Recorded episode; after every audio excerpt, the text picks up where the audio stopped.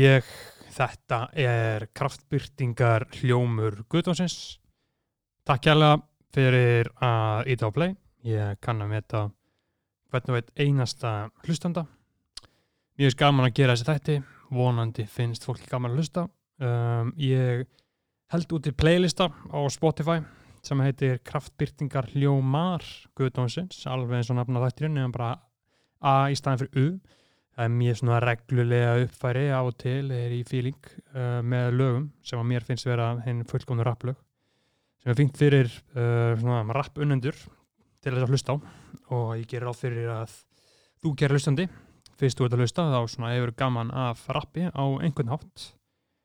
En uh, áður en að við förum inn í uh, þessa veislu sem við erum að fara inn í í dag þá langar mig til þess að láta ykkur kæri hlustundu vita að hvað styrtaraðalið minn uh, Júsú er mikil epík Júsú er hambúrgarstaður á hverfiskötu 40 og fjögur. Um, það er náttúrulega koronavírusin í gangi núna þannig að það er ekki hægt að fara út að borða.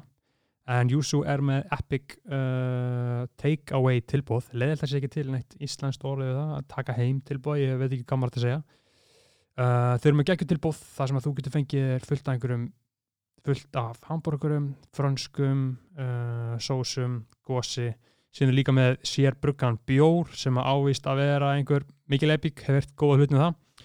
Uh, ég fór á Júsú núna bara í, held ég að veri fyrir dag eða, fyrir þreymdum og fekk mér takeaway.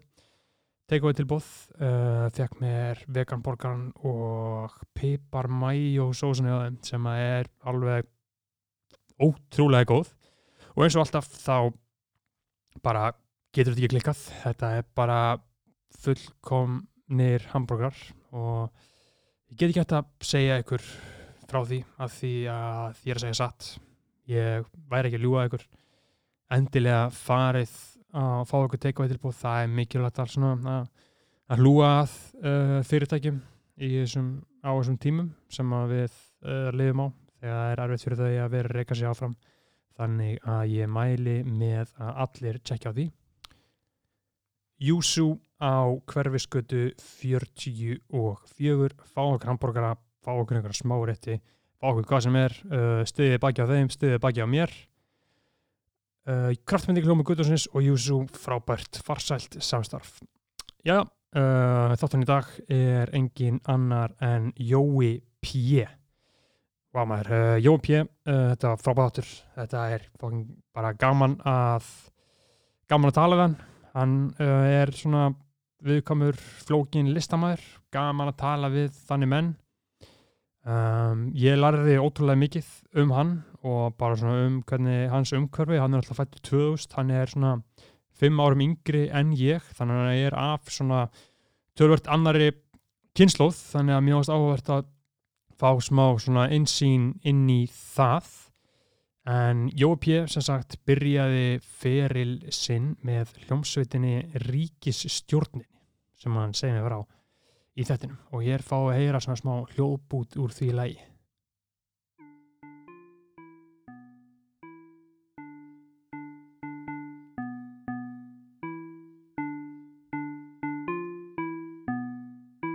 Ríkistjórnin, motherfucker Gala, bæja, stæl, stæl Mér er honum kær, kær Svæpandi kortinu, gullið í fortinu Þetta er minn bær, bær. Gala, bæja, stæl, stæl Mér er honum kær, kær Staplandi pappirun og til að klappstýrum Þetta er minn bær, bær. Borgin er tróðfull að kóka, já, eskupar Motherfuckers vilja smóka og testa það. Gælurnar, ég vilja lóka og testlurnar Nei, ég er ekki að jóka, veit mestu það. Ég er ekki venjulegu maður, nenni, oh Lappa um að það er fucking dæðu, baby, oh. Jú, jú, þetta eru svona hvað maður segja, bernsku breg já, þú veist að hver og einn getur bara dæmt fyrir sig hérna. Mér fannst bara svona viðandi að spila þetta. Uh, síðan uh, heldur hann áfram smátt og smátt að uh, verða þroskast og þróa þróa sjálf sig og gefa út meir og meiri tónlist. Og ég man eftir að ég svona frétti fyrst ánum þegar hann gaf út þetta hérlag sem heitir Draum sín Svo Thank you.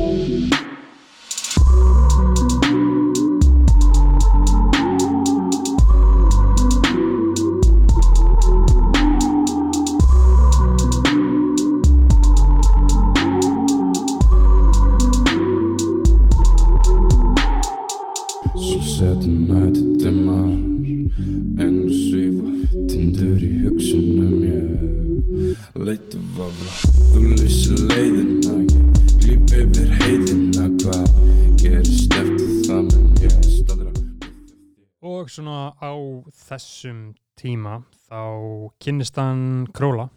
Þeir kynnast, það er svona fræg sagan af því hvernig þeir kynnast, bla bla bla, þeir gefur blöðuna Ananas saman. Og þar verður lægið Spreða svona nokkuð vinsælt í ýmsum hópum.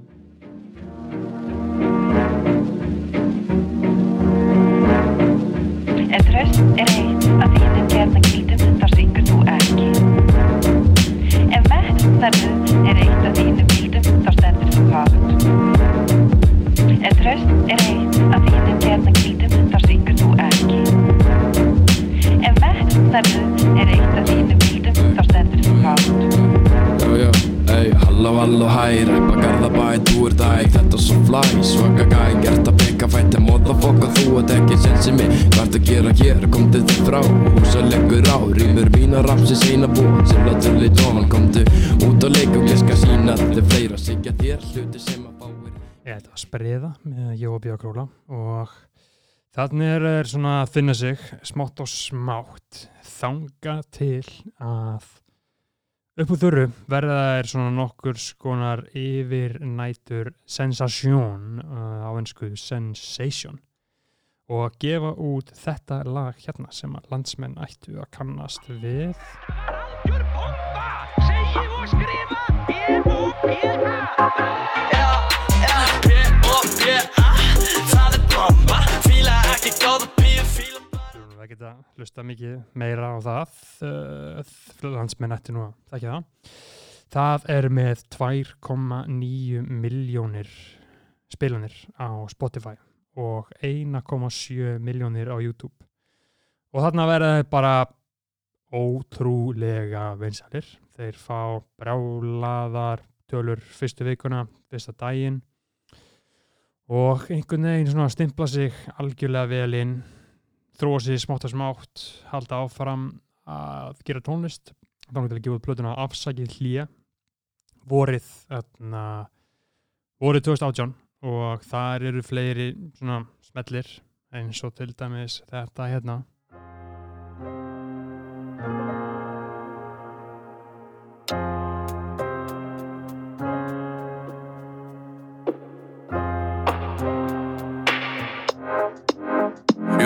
stefnu lengst upp í áttatúninu Öldum okkur svo bara í núinu. Sjáum hvað setur á Jú, jú, uh, fólk ætti að kannast við þetta. Já, og þarna síðan bara svona flæðir þetta smátt og smátt og eftir þetta verða verða svona ótrúlega fræðir, fara smá svona að svona rebella, þannig séð, uh, verða eins listrætni, byrja að þróa sig smátt og smátt, meira í átt burt svona frá poppinu og rappinu og verða svona aðeins skrítnari og koma síðan um sumarið 2019 og gefa út lagið Tveir koddar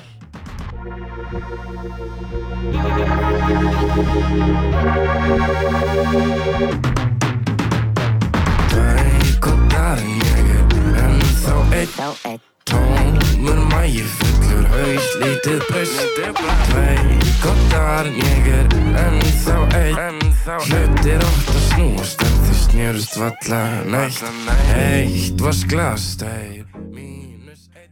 Og nú eru þeir í þessari viku þegar þetta kemur út að gefa út nýja plötu á föstudaginn komandi. Og hún ávist að vera frábær, ég hef ekki heyrt hana en maður er búinn að heyra góða hluti og singullin af henni er svona það síðasta sem ég ætla að spila hérna áður en að við förum inn í þáttinn með Jóa P sem Króli er ekki í þessu veitali þótt að þeir sem er að spila lög með Jóa P og Króla þá er þetta bara uh, Jóa P hérna með okkur en við ætlum að hlusta á lægið Gemvera áður en að við byrjum viðtalið. Ég vona bara að þið njóti þess. Er gott spjall, Jói P. Mikil King, komur óvart svona hvað hann var svona, uh, málglæður, það var bara gaman að heyri í honum, gaman að spjalla við hann. Þetta er Gemvera, uh, njóti viðtalsins, takk fyrir mig. Bros og glóp og gull. Upplifi stjórnleysi, ætli að það setja guð. Er ég ansettin, ég er að reyna að tappa át Missi mig 36 tíma blackout. Er ég að bakka á, já það speil ratsjá? En skotan sír á nýja drukna en ég kafbát Föðmust með tungunni, ég fíla hitta þinn Hörðinn er opinn, viltu kíkja inn í kofan minn? Held að ég sé rættu við þig. Ertu kannski geimera Er samt meira rættu við það Að vera einn og einmanna Góðan blæsaðan daginn, uh, Jói P. Vertu velkominn maður. Sætlu blessaður, gott að segja þig Gátt að sjá líka maður, gaman að fá þig. Uh, hvernig hefur það? Ég er mjög, mjög fín, takk fyrir að fá mig, takk fyrir að fá mig Nei, ekki bara. Jú, Uh, svona miðið við aðstæður, við erum hérna í miðjum, miðjum faraldri en saman tíma er að koma páskar og já, einmitt þú ert ekki út plötu Ég er ekki út plötu í næstu viku. Já, þegar, þetta kemur út, á förstu daginn þá Já. Förstu daginn næsta.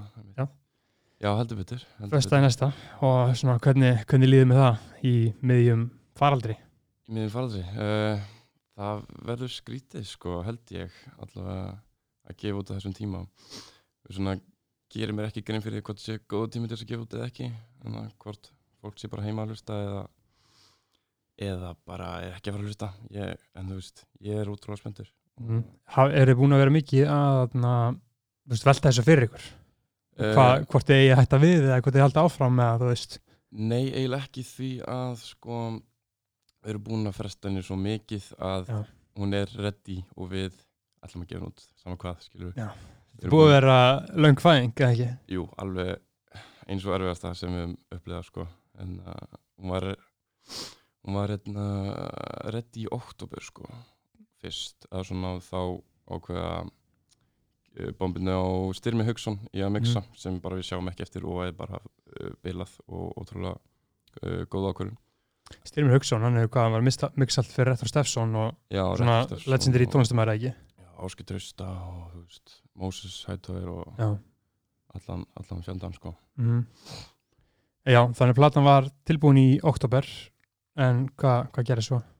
Uh, bara það að við ákveðum að, að prófa þetta og að fá styrmið til þess að mixa hana og einhver sem við höfum alltaf verið með uh, starra Snæði Valdimarsson og sem er bara uh, reynst okkur ótrúlega vel en, en um, okkur langaði svona að prófa, prófa nýja slóði sko. Já, ok, þannig að þú veist, hún var þá reddi frá starra en þið vildið prófa eitthvað nýtt að Uh, nei, hún var ekki reddi, hún var ekki búin í mixi en við vorum bara svona uh, hún var svona semi-búin í mixi en ekki alveg en hérna, við vildum bara svona uh, já, klára hana þarna hjá styrmi. En þetta er, langur tímið maður, oktober fram í apríl. Já, nei sko við ætlum að gefa hann út í júli í fyrra Já. og það var svona eitthvað sett bara svona fáralegt og já, og elsta lægi er þarna tveggja ára gamalt. Apríl bara þegar afsakið hlið kom út. Einmitt, þannig að þetta er búið að vera í rauninni allt það ferli en þið gáðu út þarna á milli þarna uh, tölstaplötuna einmitt, einmitt. Það var bara tekið upp einni nóttu ekki? Uh, já, það var tekið upp einn nóti, heldur betur. Og margir að taktinir voru gerði líka en svona já, margt af þessu var gert þessu nóti en ekki allt saman. Einmitt, ég var einmitt að hlusta á þarna viðtal við ykkur í janúar núna þessu ári hérna á 101 og þá er, þá er einmitt svona eins og platan var lengi á leiðinni, skilur þá er það sama, en þú veist, nú er loksins nákvæmlega komið að þessu uh Þetta er bara, búin að vera ótrúlega löng fæðing sko og við erum ótrúlega spenntir loksins, þetta er bara svo súrrealist og skrítið að hún sé að koma út Já, það ekki Jú. Hva- Hvað hvað er það búið að vera svona? Akkur er þetta svona fokkin lengi? Eða, Hvað er búið að vera? Er það mixið? Já, veist ég veit ekki og bara við að með fullkomnar áratu sko að vilja gera þetta sem best sko. En, en mixið er búið að taka langa tíma sko, það er ekki hægt að nýta því en, en það styrmir er búin að gera þetta ótrúlega vel og við erum þakklátt fyrir það sko. Þannig þið eru búin að vera jæmt að breyta einhverjum textum og tónum og eitthvað svoleiðis, já, bara, já. Hægt og rólega. mm Einmitt maður, finnur þú veist, er þetta öðruvísi tilfinning núna að vera að gefa þetta út en til dæmis ásækja lé? um, Já svona þá afsakið hlið þá svona smá svona pressa sem að setja sjálfna sig sko eftir náttúrulega þetta var svona eða það sem kom eftir B.O.B. og gerðuglingur Mm -hmm.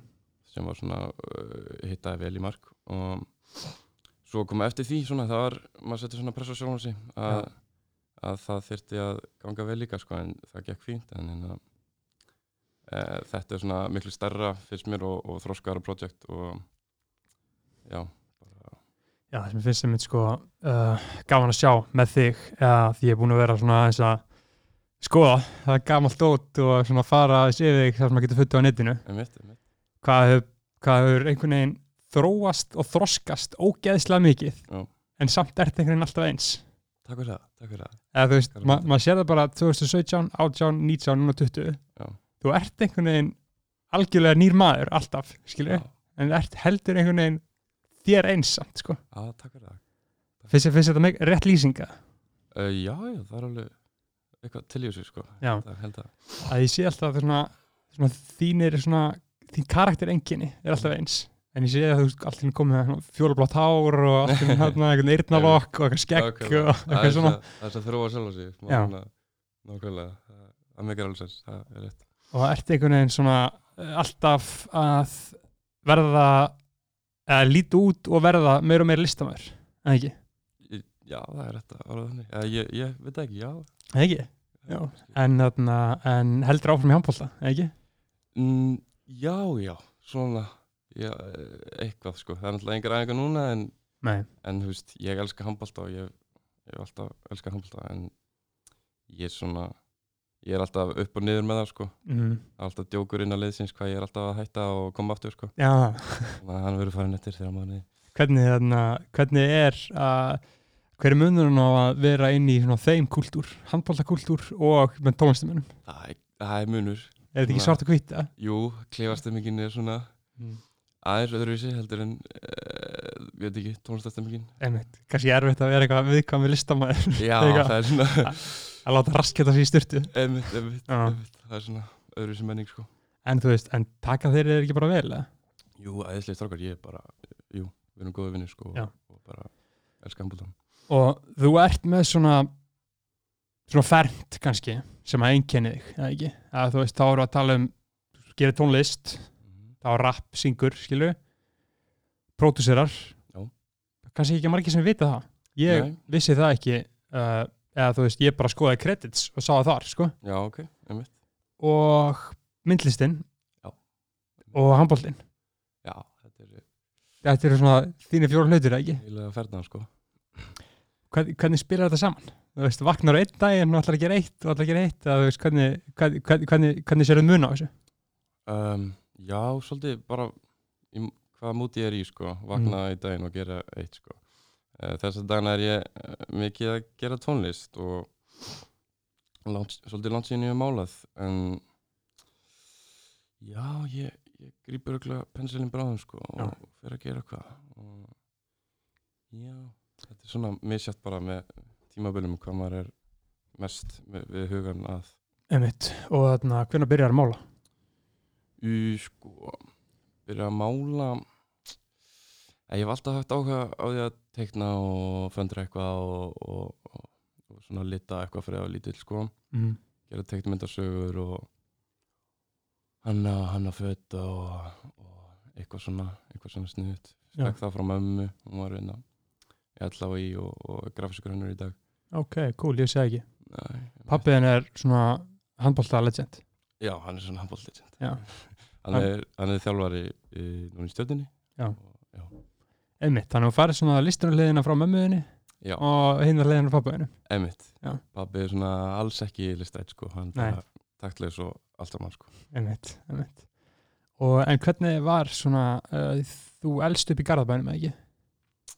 Já, en svo ég klári hinn spurninguna, ég byrjaði að mála í FG þegar á millisbröð uh, fyrir svona á ö, ö, fyrsta árinu bara þá kveiknaði áhugin að mála þar Ok, cool maður, þú kannst bara fara á myndlistabraut í FG Já. Þú snildi það maður Já. Eða þú veist, Góð. gefa, gefa grökkum tækifæri til þess að prófa eitthvað að mála sko. nákvæmlega, það er fínasta braut sko. ég er mjög þakklútu fyrir árin þar sko.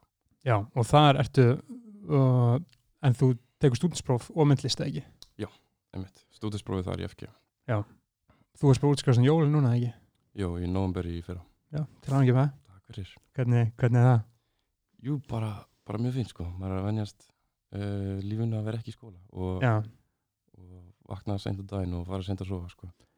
En þá á myndlistarbrautinni mm. þú byrjar í því kannski árum að byrja að rappa eða hvernig að byrja í mennskóla uh, Ég byrja hvað, 2016 Já, í mennskóla Já. Uh, Nei, ég byrja sko að rappa í tíundabekk í Garðaskóla þegar hvað 15, 15 ára og já, þá byrjaði ég svona eitthvað að skrifa texta og prodúsa í Ableton Mhm. demo uh, uh, já, og þannig að þetta byrjaði aðeins fyrir sko Einmitt. og ég sá í uh, Beitali já, Robba Kronik Einmitt. sem að na, g- gott viðtal sko gott ok, viðtal. ok, ok, Uh, því, sko. það var á inn á einhverju kaffhúsi þetta var eitthvað Chronic TV þið eitthvað gett miklaðir og nývaknaðir Já. ég held ég sagði það um daginn sko. og Robby Kronik uh, mjög ferskur sko. Og þá aðna uh, sagður einmitt sem ég fann svo áhugavert uh, hvernig tími líður að því að þú ert fættur á 2000 Já. og þú svona þitt, þú byrjar að fíla rapp eftir aðna NWA myndina. Já, einmitt Straight, straight Outta Compton Nákvæmlega, ég hef sagt, sagt það í nokkurum viðtölum áður sko. Já. var það bara það fyrst, fyrsta sem þú sást með rappi eða? Þú veist? Alls ekki, sko, ekkit fyrsta, það var ekki fyrsta rappi sem ég uh, sá sko. ah, ok, En- bara svona áhugin kviknaði alveg bara, mér fannst þetta svo nett sko, að ég heyrði strax í félagum mínum daginn eftir held ég bara og spurði hann hvort hann væri til að rappa eitthvað með mér sko, hann var Mm. ótrúlega til það ég, var í svona, já. en þú veist ég hafði alltaf gaman að rappi sko, hlusta alltaf MC Gauta og Bjarnar Jóð og næs maður. Bjarni Jíva deilaði dómaran Það er heldur betur sko, legendary lag eitt lag sem ég lærið utan, ég man ekki alveg hvað heitir sko. Bjarni Jóð vann rimnaflæði þegar ég, einmitt, akkur fyrsta rimnaflæði sem ég fór á sko. já, já, Já. ok þannig að þú varst uh, já, mér fannst einmitt svo skrítið að byrja að hlusta á rap 2015 sko. en þannig að þú varst alveg að hlusta á rap fyrir það Já, já, já, Já. ég bara svona, já, kom kannski þannig út, ég skil það alveg en, en ég svona áhugin kviknaði alveg heldur betur. einmitt, þannig að áðurinn fyrir mig það maður þannig að byrjum bara byrjunum maður þú bara, þú veist Já.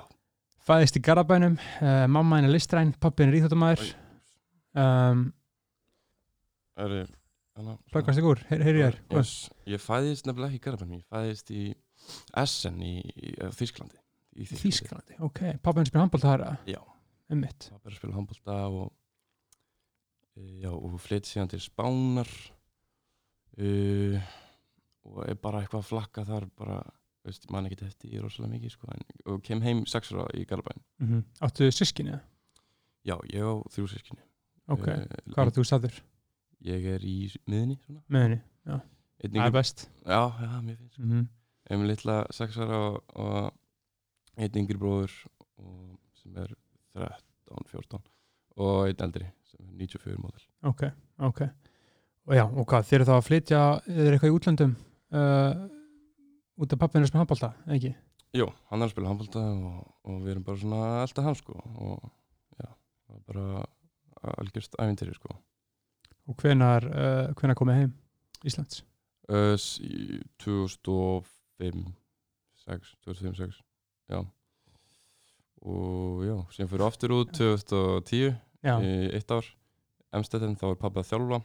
Mm í litlum bæ sem heitir Emstetten þekkir hann örglega ekki uh, og já, og eru þar í eitt ár og, og síðan fyrir aftur heim í Garabæn sko. en mann búin alltaf að vera í Garabæn nema núna er í Hafnafyrinum á völlunum. Já, maður og- það er alveg hverfi, sko. Alveg hverfi sko, Aha. alveg eh, bara líka við keflaug sko, Mhm. langt burti en já, já, alltaf verið í Garabæ. Hvernig er þarna hvernig er svona Hvernig myndu lýsa svona garabæða kúltunum, svona 210, það veist, þitt, þitt hverfi, þú veist, þú, þú reppa það, þú hefur nefnt það í textum og, Já, já, ég, ég hef rappað um það, sko. Uh, uh, ég veit ekki maður, þú veist, er það ekki bara hana silfur skeiðadæmið og, og sjómlarnir en það voru garabænum. þú. En þú veist, ég, ég fann ekki svo mikið frí upp í garabænum, eitthvað svona, að ég veit það ekki.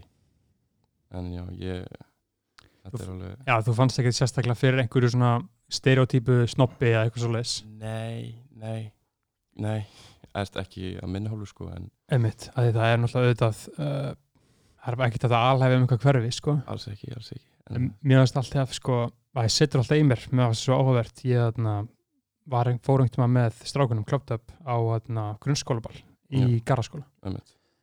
Um, og talaði við einhvern sem var vinnar Já. og var bara eitthvað að spura það var einhvern kunningi minn úr Vestló ég man ekki alveg hver var maður, ég, alltaf, ég man ekki alveg eftir andlitinu, þetta var eitthvað sem ég þekkti smá sem var að vinna í Garðaskóla Já, var það fannar? Nei, að, nei, ég, fannar Hipsum. nei, ég held Hann ekki þú. Já, sorry, heldur Já, og hann aðna, segir mér sko að allir krakknir séu mjög góður sko en það eru mjög margir sem að uh, ber ekki verið ykkur hlutum Fyrir hlutum. Já, þá er maður bara að tala um að þú veist það eru skilur og fimm Playstation fjastringar að brotna hjá þeim Já, ok. okay. einhver einsta mánu skilur Já, ok. út af því að krakkarnir eru bara svona vanið því að eiga bara einhver rík fóreldra og þeir brjóta eitthvað að bara keift skilur Já, næs. og þá einhvern veginn ha hagaði þeir sér eins í skólanum Já, það er, það er ekki gott. Nei, það er ekki gott sko. Brjóta fjastaríkar, það er mjög slemt. það hefur alltaf svona alltaf er ekki krakkar, auðvitað eru þeir í garðabænum skilur Já, og klálega. kannski meira á því en í öðrum hverfum Já, en ekki, vissulega. Jú, klálega. og þú veist en var einhver svona uh, skiptist hópanir eitthvað upp hjá þér í grunnskóla eða var þetta allt bara eitthvað svona samaldin hópur Um, en það skiptir svolítið þannig að íþróttakrakkanir, fótboltastrákanir voru saman mm.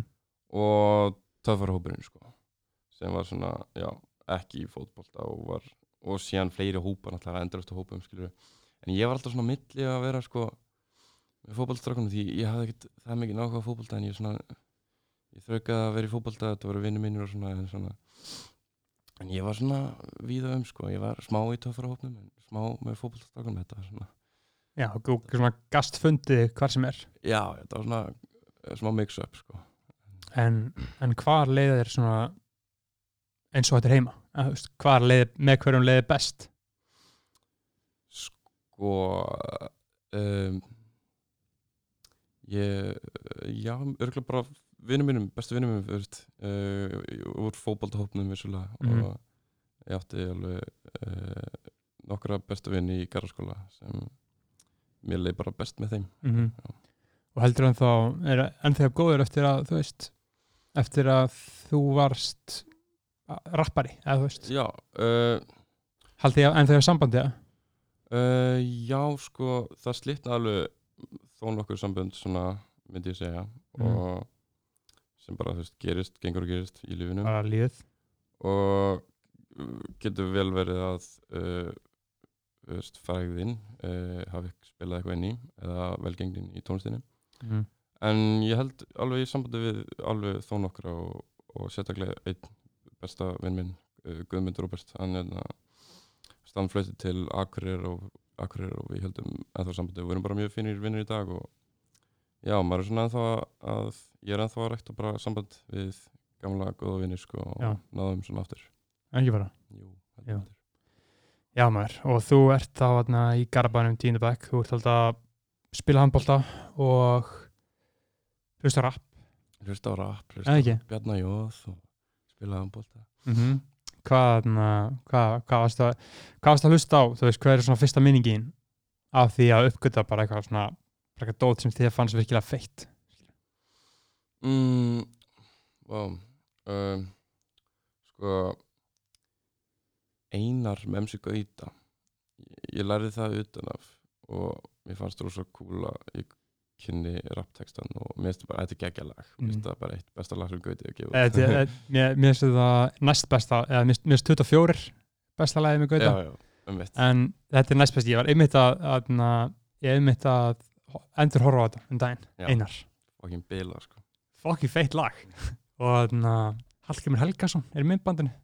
Já, einmitt leikur löggu, kemur hann eitthvað inn í klefan til hans. Þetta er, þetta er geggja sko. Já. Einar. Já, og þú náttúrulega, það kemur út 2013 Já. þá ert þú 13 ára, Þú Já, ert 13, sko. svo ungur þú ert fættið 2000 Já, þannig að þú ert svona tölvert önnur af annari kynslu en ég. Þú ég er fættur 95 Já. þú ert svona algjörlega digital native skilur. þú fættist 100% inn í internetið. Já, bara beint inn í það sko og náttúrulega allt annað, ég meina, varst þú eitthvað að horfa Pop TV eða? Nei, Nei, þú er bara alltaf, þú bara komst beint inn í YouTube. Beint í YouTube sko. Já. Gramsað því síðan þá. Mm. og já maður, Einar hvað og hvað hva fleira? Uh, Hvað fleiri lög? Um, hlustaði mikið á sko ég minnir að þetta Ég man með Daniel í Alvin mm. og já, ég læri það líka nice. það, er, það er gott lag sko, já, Mhm. ég fílaði það en þú veist já, maður var bara Úlfur Úlfur náttúrulega þegar þeir voru að springa upp það var mm. geggja tímabil og maður er í þetta upp sko mikið að dóti sem maður var að á. var þetta, var þetta alveg íslenskt eða? þú veist, var svona innkomið þín inn í rapp bara gegnum íslenskt rapp eða? Nei, þetta var svona áður en ég svona var alveg heldtekinn af, af músík sko og rappi og þá uh, kemur þú veist uh, straight out of Compton bíómyndin inn í söguna í tíundabæk þá veitna uh, A Tribe Called Quest var alveg svona nummer eitt Mm. uh, Gangstar og Jurassic 5 og veist, Mos Def og allir þessir gullmólar sko Já. það var svona það sem að hlusta á í úlingárin í garðaskóla. Mm. já mann, þú varst bara tíundu bekk að hlusta á eitthvað boom bap. Heldur betur, illa nettur á því sko. Já, og ég, ef- voru vinið þér hlusta á þetta með þér? Nei. Uh, Jú, nokkri uh, Já, alveg einn Daniel sem ég fekk með mér í en uh, að rappa. Já, Við stofnum sveitina Ríkistjóðin ríkistjóðin já, nice. Ekki, já eðislegt nafn sko og þetta var, já skemmtlegi tímar og gáum út einhver uh, þrjú, fjögur lög sko og þeir eru ennþá á netinu já, það, Mhm. þannig fólk getur fundið það, hvað, samklátt eða? Já, já, eða nei Spotify sko og Jú. ok, Sp- Spotify ríkistjóðin já, bara njótið, gjör svo vel endilega að tjekkja á því Já Já, þannig að þú ert þarna í garðaskóla, síðan kemur stöður accountun. Hvað er svona, þú veist, hvað er það sem að grípa þau svona mikið á hana? Um, ég mér fannst það bara eitthvað svo áhugavert sko.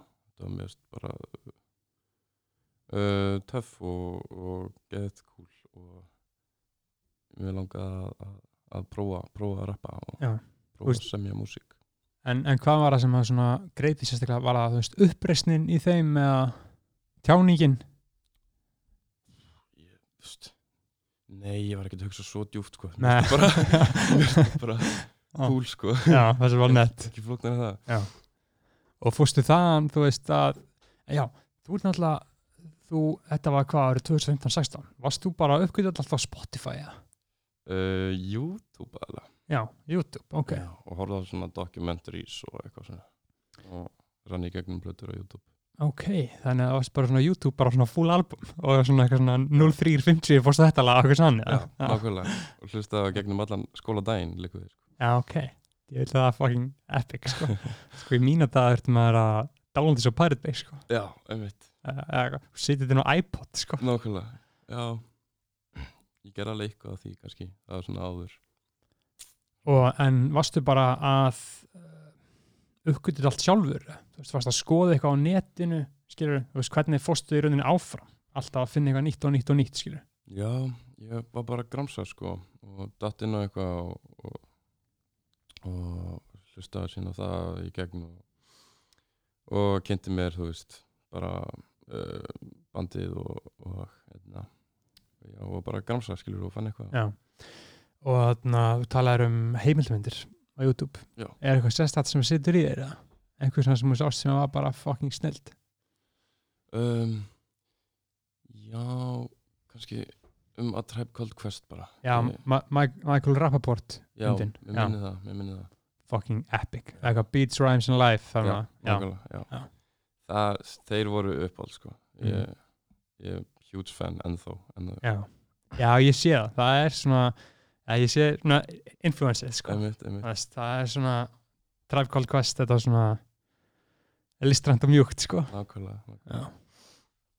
Já. Beats, Rhymes and Life maður. en ég horfði líka sko á Everytættina þú varst í Jú, henni, jú, jú, jú? Það algjörlega góð þetta sko Já. ég fylgdist vel með þeim Já, ok, maður, það er bara gaman að heyra Það er alltaf ég og fleiri góða menn sko. heldur betur, bara gott deimi sko Já, bara gaman að heyra sko. Ég finn bara fæ, fæði oft núna svona í setjum tíð frá svona random fólki já, sko. já, einmitt Það það er verið að horfa á það sko. hvernar var það eftir? Það var sumari 2015 já, ok ég var þá bara 14 14-15 ára mm. Það var með krátið sko. við, vor, við vorum mjög vinsalir í Garðabænum sko. Já, við hérna, giggum eitthvað í Garðaskóla og eitthvað já, já, ok þetta var, þetta var svona okkar, okkar uh, markkópur sko. Nákvæmlega. en já maður, þarna þú ert þarna í tíundabæk hlustandi á rap, bara YouTube bara eitthvað í skólanum Já. bara í einhverju fokkin veistlu veist hvað, en hvenær þarna hvenær byrjaðu að semja sjálfur Mm. um, sko ég hérna, óska mér hérna, svona midi piano í jólagjöf fæ það frá ömmu minni um, jólinn þá 2006 6, 17, 15 2015 regla og byrja þá fylgist, fylgir með hérna, Ableton uh, Lite forrit bara svona getur bara nota sjö rásir mm.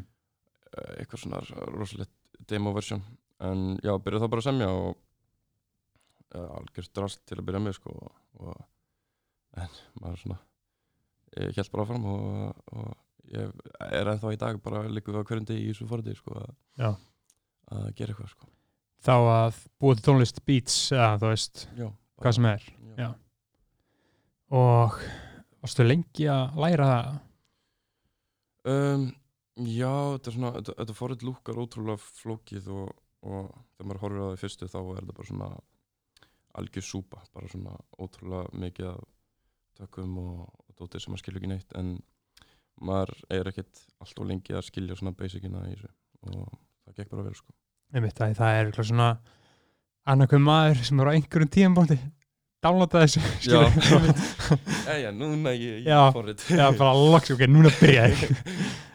Ég hef gert það svona sexinu með. Já, ok, er alveg en alltaf uh, bara svo síðan svona, ah, fuck it skilur, gefist upp sko. Einmitt. Já, ég þekki held í nokkra sko Já.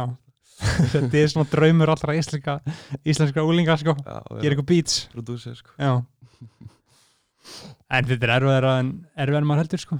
Já, já, þetta er í, fyrstu sko, en það tekur bara smá tíma þá var maður komið smá uh, touch yfir þetta. Já, og þú hefur verið að gera þetta verið að gera einhver beats og tónlist hvað núna þá bara í fimm ár fjör ár, Já, vá, já, það er held í langu tími, já, sem blokk en samt svo stutt tími, einmitt, einmitt, skilur flott að líða. Já. Þetta er, fyndi hvað, all, allir tímar er alltaf óksla langir en óksla stuttur á sama Já, tíma sko. Einmitt, nákvæmlega. um, og þarna líður núna eins og sért eins og kunnir allt sem að þú vilt kunna? Nei, alls ekki sko, ég, ég kann miklu meira, ég bara sjá framför sjálfur hjá mér uh, á stöttum tíma, sérstaklega núna, en ég kann ekki eins og tónfræði skilur, ég Mm. erst, kann grunninn smá en ég, ég væri til að læra það til dæmis og einhverja hljómfræði bara og, og ég er ekki góður að mixa, ég væri Nei. til að læra það. hver er munurinn á tónfræði og hljónfræði? Uh, er ekki bara hljómfræði bara einhverja hljómagangar og tónfræði bara basicin, bara ABC já, þú veist, Jaha. grunnurinn, já ég held að, ég veit ekki, kannski er ég að bylla sko. Nei, já, ég, Ég ég, veit það bara ekki lítið um spáði sko. Nei. ég heyrði bara að segja þetta tvent mismunandi þess að það væri eitthvað svona tveir mismunandi litur Já, Já. en já, og þú byrjar þá að gera beatsin já, ég byrja að gera beats, svona, áður nú byrjar að reyna að rappa uh, já, já, já, mætti segja það. og hvernig, hvernig á, á svo þróun sér stað skilur? hvernig ákveður bara að að reyna, reyna fyrir rappi uh, það var held ég ekkert eitthvað eitt moment sko, heldur bara uh, eitthvað sem ægslaðist sko og uh, veist, maður er komið takt kannski og, og vant að texta og maður reynir að skrifa eitthvað. Mm og skrifa eitthvað mjög skri- skrifa einhver áhuga að vera texta sko, var að skoða um daginn. Með, var með svona bók sko. -hmm. eins og í straight out of Compton myndinni sko, þetta vera alveg nákvæmlega eins. Einmitt. en já, þetta er, þetta er bara þetta er skemmtilegt sko. Já, reyna eina stóra bók og hanskriða þetta sétt já, í svona streitónum eins og Eminem akkurat, akkurat, akkurat. og... einn maður fílingur já, og þarna þetta þróast þá smátt smátt hjá þér. Já, já, og ertu einn alltaf að gera þetta? Uh, nei. Að, ég, já, ég, ég er einn að semja og jú, misjátt bara en ég fekk hann að Daniel Breka, félaga minn og sem var með mér í garðskóla þá og, og hann var til að vera með mér í þessu mm -hmm. og Ingimar annar félag minn og við erum bara þrýr eitthvað að, að semja og rappa og, og eitthvað fengum eitt gig á Gauknum sko nice. hérna Baukur, hvað er það? Gaukurinn, Gaukurinn, já, ok já. það var áhugavert sko Un, un, undir hvað, undir ríkistjórninu Já. já, undir ríkistöldinu ok, þannig þið tóku gigga á gamla gögnum Já, Já. Og þarna á hvað hvernig, hvernig kvöld var þetta? Sko, þetta var eitthvað svona hip-hop kvöld. Bróðir Big. Fyrir okkur. Sjáttu þetta hann. Og svo var Jói dagur hérna og þetta var alveg stemming sko. Við hérna pjakkar og Já. garðabænum. Já. 14-15 ára eitthvað næstur upp á sviði sko þetta var alveg eitthvað underground hip-hop kvöld á gamla gögnum. Já, sko, Já. fóldur okkar mætti með. Og þannig að fylgjast með úr að það var ekki eins cool og ætlum okkur Nei, að hafa þau hérna. En skilulegt einmitt, ok, en það Ég er að, þetta er búið að þess að grafa þetta upp sko, hvað ívent þetta var sko. Ég man eftir þessu bróði bygg var með eitthvað svona underground mm -hmm, mm mm. veist, underground vegan rapkvöld á gamla gauknum eitthvað svoleið sko. Það er áhugavert það var alltaf eitthvað, það er dæmi í gangi sko. Bróði bygg maður, hann er legend, legendir í dót sko, hann alltaf gerði plötu og Gísli Pálmi, físir að hjá honum sko. einmitt. Fucking geggjalag sko. já, það minnst að finnst það eitthvað svo fallegt að GP hafa gefið hann feature sko. þegar GP var sko bara at the higher of his powers sko. Ángríns, prime time sko. já, maður, þið takið giggið hana og þú veist, það gengur ekki alveg vel eða það er ekki alveg cool og Nei, erst Nei, eða svona eftirhyggju en þú veist, í mómentinu var þetta alveg geggjað sko Já. og, en en, já, síðan spilum við afmæli garðaskóla og, og hérna, ásatí garðaskóla eitthvað Mhm. svona. Það, einna, já. Það var alveg gaman sko.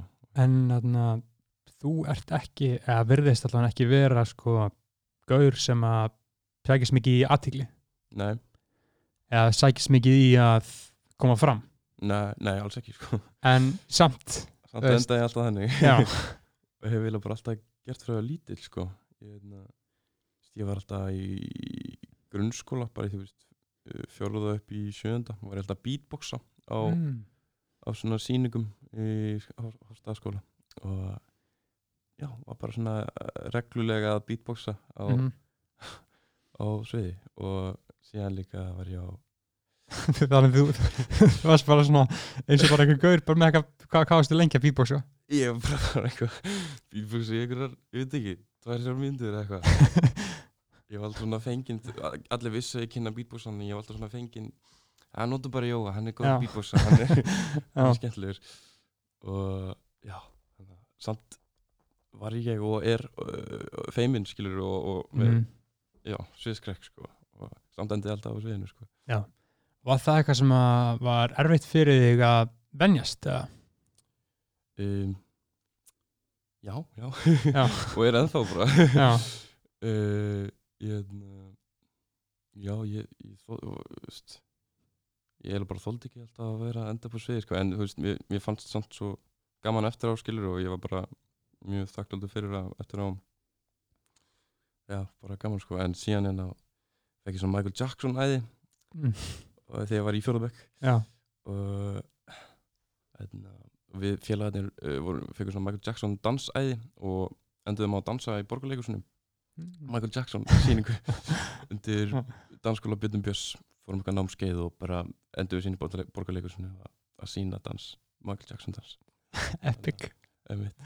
Gaman að vera krakki og landi í ykkur svona. Já, þetta var, þetta var æfintýri sko. Já. Þannig að þú hefur verið þá á sviði sem uh, beatboxari og Michael Jackson impersonator. Og síðan sem rappari.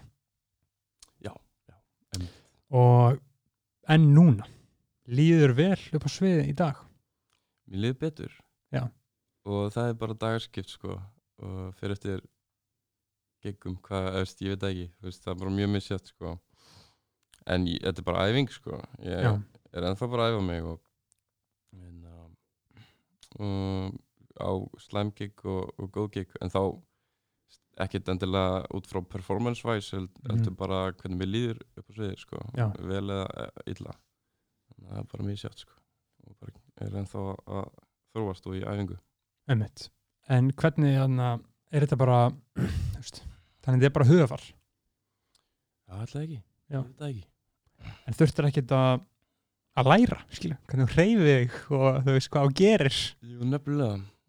Og við fengum eitthvað, eða ég fekk einhver æfingu í því, Kitty er náttúrulega búin að vera í leiklist svo lengi skilur Mhm. og er mjög, mjög góður með krát skilur Já, maður sé, maður sé að hann fílar þetta skilurðu. það er vita, sko, hann, hann er góður í þessu en ég hérna með, já, þú veist ég e, til að byrja með gæti ekki að mig upp á sviði, sko, ekki Nei. sen, sko Nei. þegar maður byrja og geti við vorum að spila á Áltanusi fyrsta, eitt fyrsta gigið okkar og, og einhver söngakeppni á Áltanusi og þannig að það var alveg ótrúlega erfitt sko, ég er svona og bara fyrstu gigin, þú veist, það var ótrúlega erfitt að mm. pína sig að dansa, skilur og, og en síðan bara kemur það með æfingunni, skilur og veist, ég fekk enga æfingu, en eina æfingin sem var bara, er bara við vorum að gigga endalust og Mm. síðan fer maður einhver svona move sem maður eh, er þælu með og svona fer alltaf í sömu múin og Mm. svona.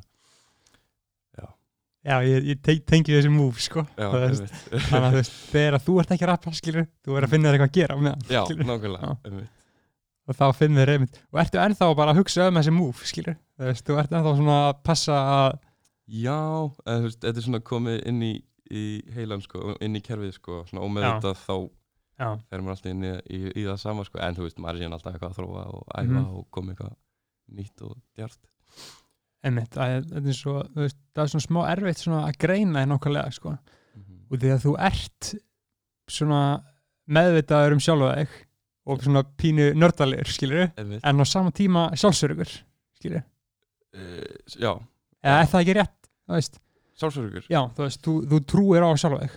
Já, ég trúi sjálf mér sko en klála, ég er mjög nördalegur sem ég algjörlega sko en já, ég svona gef ekki allavega ekki mikið af mér og, og margir sko. En ég, það er kannski bara málið að fólk uh, veit þess vegna ekki eða nær ekki að greina mig eins og segir. Og það ég gef ekki eins mikið frá mér sko. En en þú það er bara hvernig ég er skilur og hef alltaf, hef alltaf verið sko.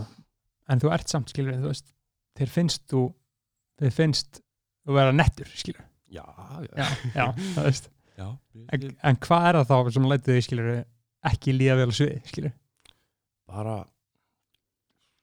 kviðið sko og bara einmitt já, ekki sjálfsöryggi held ég. Bara Mhm. hvað ég er uh, ég, ég er mjög félagskviðin sko og en, uh, hef alltaf verið sem er bara fimmni og Já. já, ég veit ekki en þú veist, ég á minn góða gig sko ég, og góða stundir og já, ég er ekki alltaf lúði, ég get verið mjög nettur líka einmitt, einmitt og fer það bara eftir uh, skapið eða? uh, fer bara eftir já, já, bara fer eftir dögum sko Mm. en ég svona þetta er alltaf, alltaf þróast sko, alltaf að æfingu og ég er svona já, bara svona er að fara að sætta mig við hvernig ég er staðan fyrir að uh, vera svektur út í sjálfum mig fyrir að vera uh, fyrir hvernig ég er ekki og mm. sætta, sætta mig við það að ég tala ekki mikið á sviði til, til dæmis Já. og það er bara þannig Já. en þú veist þótt ég væri stundum til í að, að tala stundum á sviði þá já, það er bara það efingur skilur og, og það, já, mín góða gig og mína góða dag, þetta er bara dagskipt þetta er bara einhvern veginn þróast Já. En en þú verðið samt vera nokkuð svona hamingisamur, sáttum í lífið. Já, já, ég, ég er það alveg. Og ég er bara útrúlega útrúlega þakklátt, þakkláttur fyrir fyrir uh, allt saman og minn tónlistaferil og já, ég er, er hamingisamur og hefur alltaf verið það í gegnum eða frá því að þið gafu út gerfuglingur hefur alltaf haldið þér í svona ágætis jafnvægi eða? Uh, já, já. Nú alveg sagt það sko. Ég náðu náttúrulega uh, halda handbóltanum minni og skólunum Mhm. uh, byrjaði vissulega að mæta aðeins minna en ég náðu samt að klára stúditinn og náðu svona að halda í venjulega lífið innan gæsalappa. Og já og bara er ennþá bara Einmitt, það, það, það er áhugavert að er svona, þú ert þess að þú ert aðeins meira hlétraðari og Króli er andstæðan við það Já. og vissulega. það hefur kannski verið erfiða fyrir hann að díla við allar þessa frægð og allan hann árangur eins og hann hefur talað um sjálfur bara í öðrum viðtölum já, um þá hefur þetta haft rosalega áhrif á hann Mhm. virkilega breytt einhvern veginn hans hugmyndum um sjálfan sig og hugmyndum aðra um hann skilur en Mhm. mér er eins og þú hafa alltaf verið svona frekar einmitt stöður í gegnum þetta. Já. Já, geti vel erst Þetta hefur alveg haft áhrif á okkur báða sko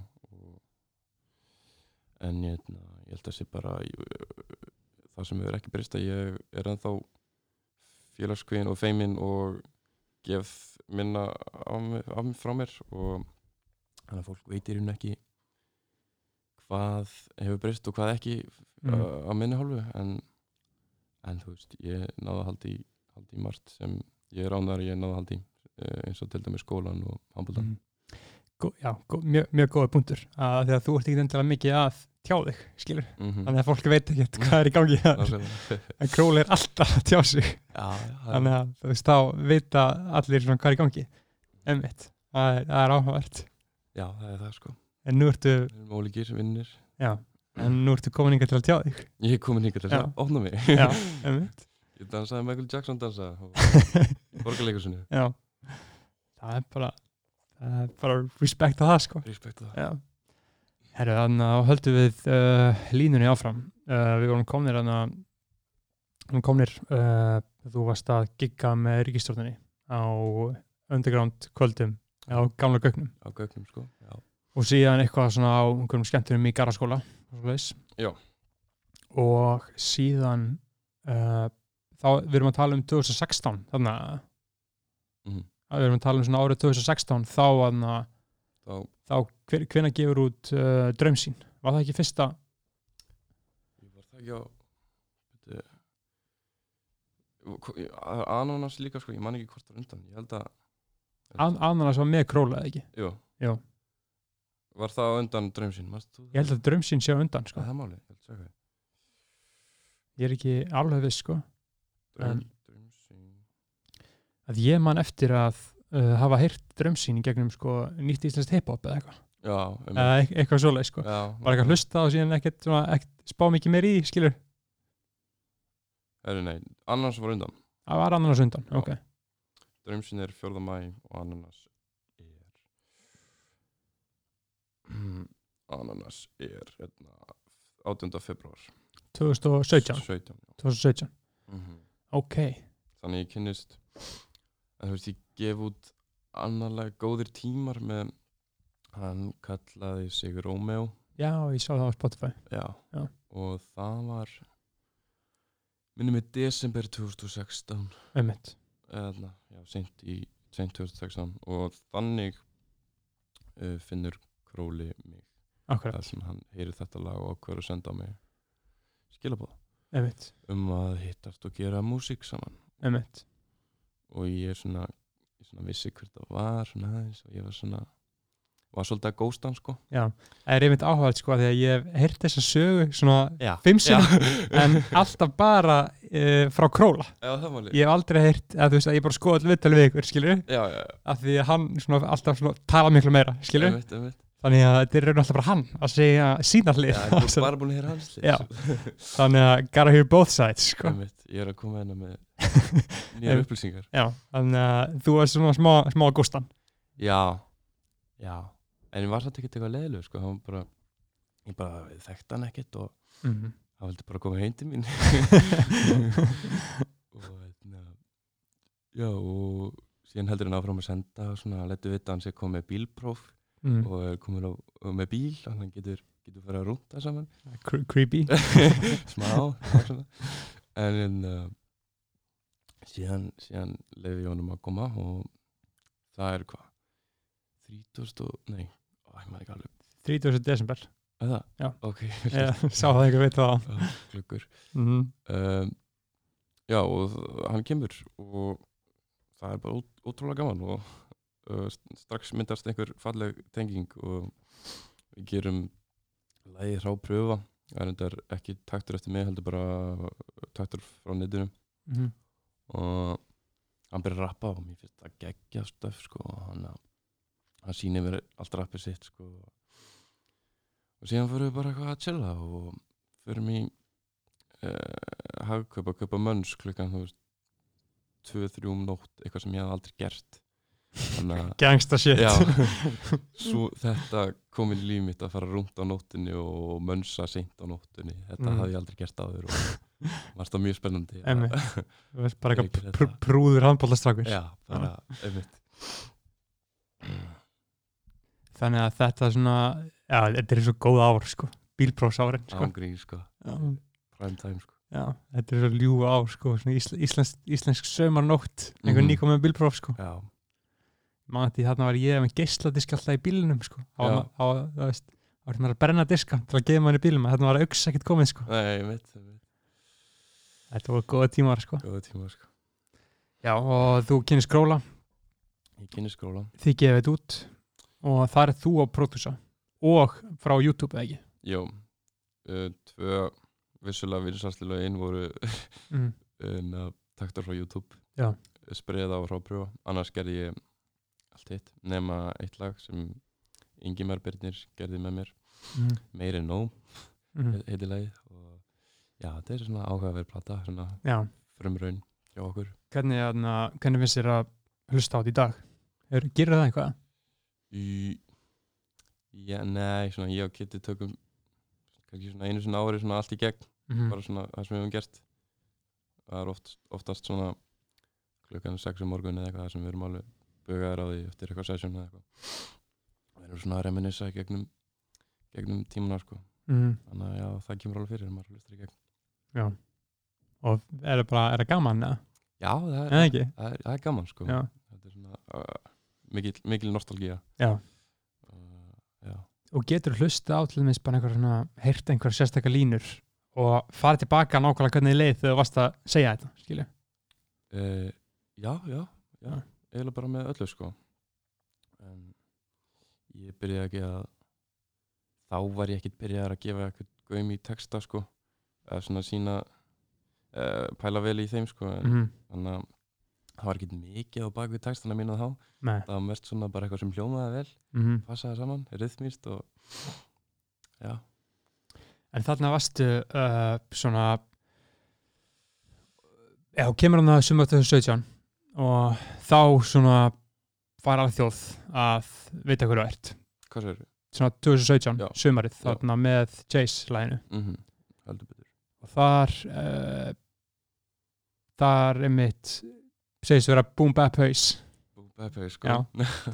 Boom Bap Haus. Uh, og þarna ertu að vildur þarna bara gera þú veist, Boom Bap tónlist eða þú veist, hvað, hvað var svona meiningin á baku það í rauninni og svo varstu þarna bara að fíla eitthvað gamalt 90 stótt og Já, sko ég var veist, alltaf frá því tíunda bekk en að því eftir Straight Outta Compton tímabilið og við detti inn í allt þetta boom bap Mhm.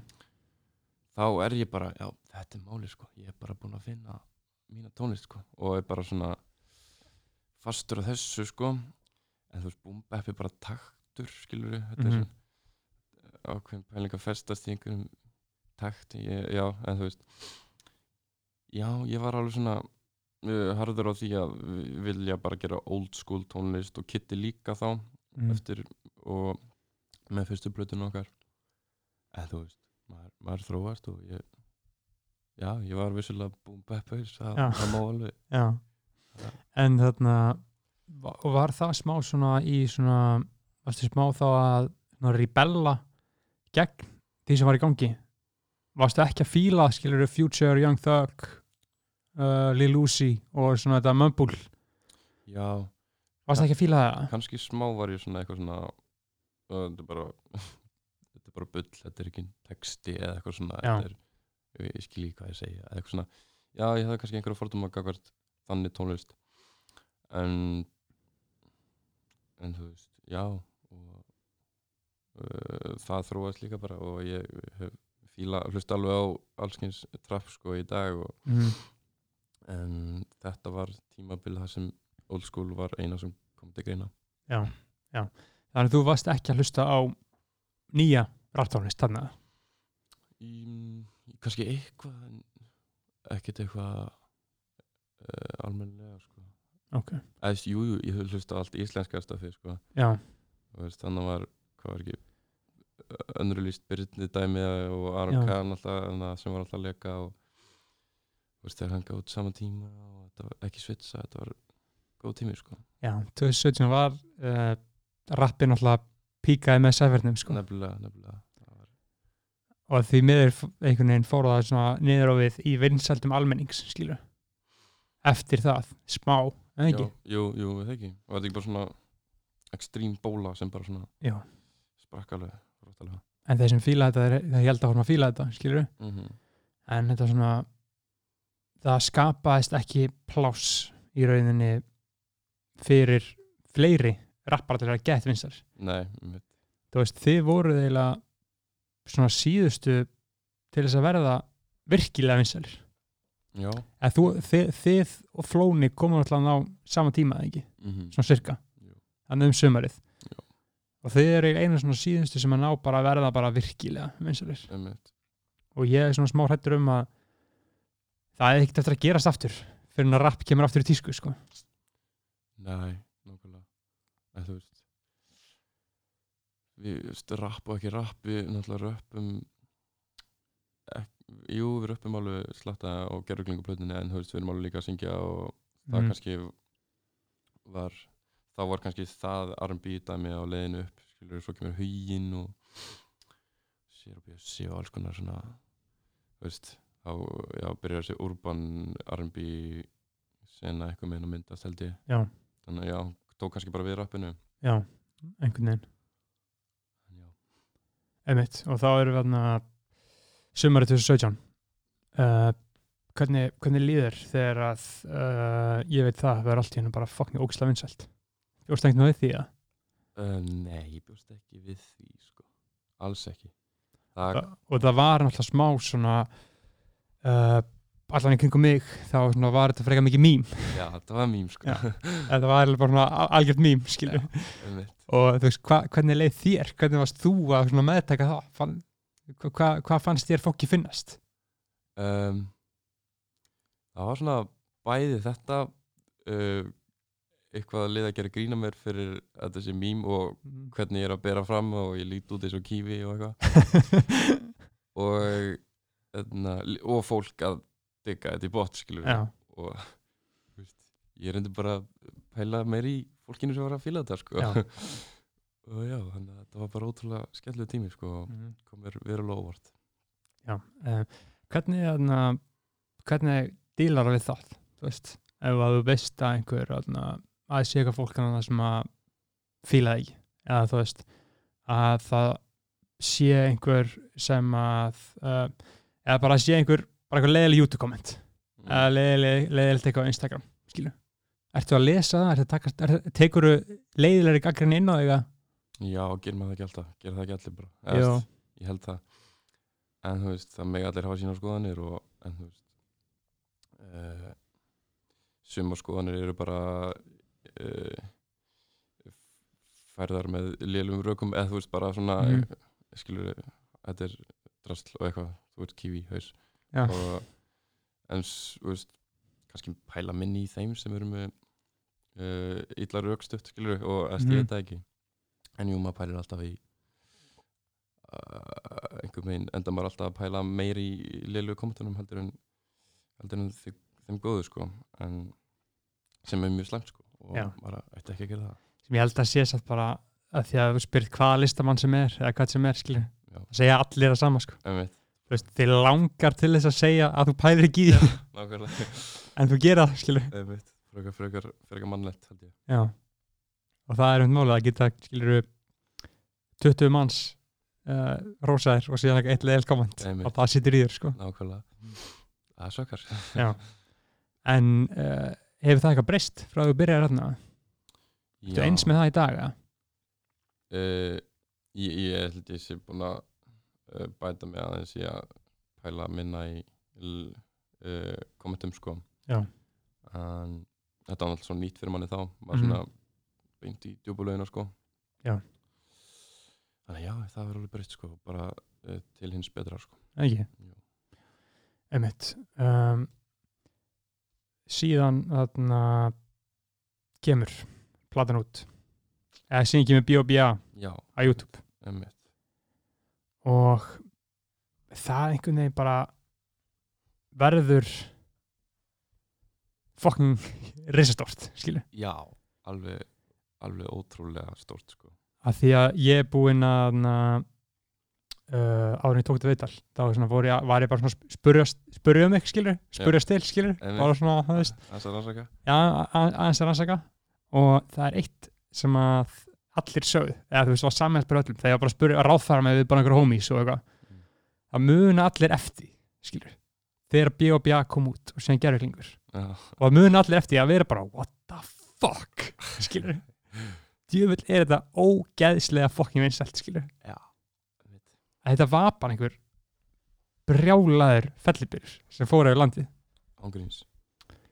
Og- sko. síðan voru til að tala um þetta og ég fór eitthvað að skoða bara nei, nei, þetta var ekkert svona vinsælt eitthvað. Og ég bara, hm, hvað er það, og, en fór síðan og fann gamalt tweet, en gamalt screenshot frá Ísland uh, top 50 listanum já, einmitt. B og BA þegar að komin á Spotify og gera klingur á einum degi fekk að 44.000 shit sko. Það bara hefur ekki gerst og mun aldrei gerast aftur. Nei, einmitt, það er, þetta er fáralegt sko. Núna eru veist, vinsælustu lögins herra er kannski að fá 50 ást, skilur Já, einmitt, þetta er þrefald, skilur þetta er fangin brengljum sko. Og síðan næsta er bara eitthvað oh shit með 28 ást á einum degi, skilur Já, shit sko. Af því að ég svona í minningunni við langaði til að segja bara að þetta var ekkert svona þetta var ekkert, skilur Einmitt, en síðan fór ég á skoða þessar tölur. Og þú veist voru þessi dagar, skilur hva, hvað varst þú að hugsa, skilur hvernig, hvernig, hvernig varst þú að taka í þetta? Um, leið þér, skilur eins og bara að loksins. E, e, já, þetta tókst. Þannig virkaði. E, eða leið þér bara svo bara what the fuck, ég bjóst aldrei við þessu í lífið mínu. Ég bjóst aldrei við þessi í lífinu þetta var maður svona, maður svona fylgdist með þessu bara svona stjarfur bara svona, bara svona í alvegni þetta er ekki að grínast þetta var svona það var bara fárlegt maður svona var bara, ég var bara mann þegar ég vaknaði en daginn eftir það platan kom út og og hérna uh, sá Spotify bara svona gerði mikið grein fyrir þessu, var ekki nú byrjar að pæla nú mikið í þessum lista bara svona, er, Mhm. er þetta gott? Já. og en þú veist, þetta er alveg algjör brenglun sko. Já. þú veist, ég var að gera coverið bara e, fyrir plötuna bara í einhverju panik í nokkrum dögum áður. Þú veist, þú veist maður skila ég man ekki hvort við skilum ég man ekki hversu löngu tíma við skilum plötunni af okkur fyrir útgáfu.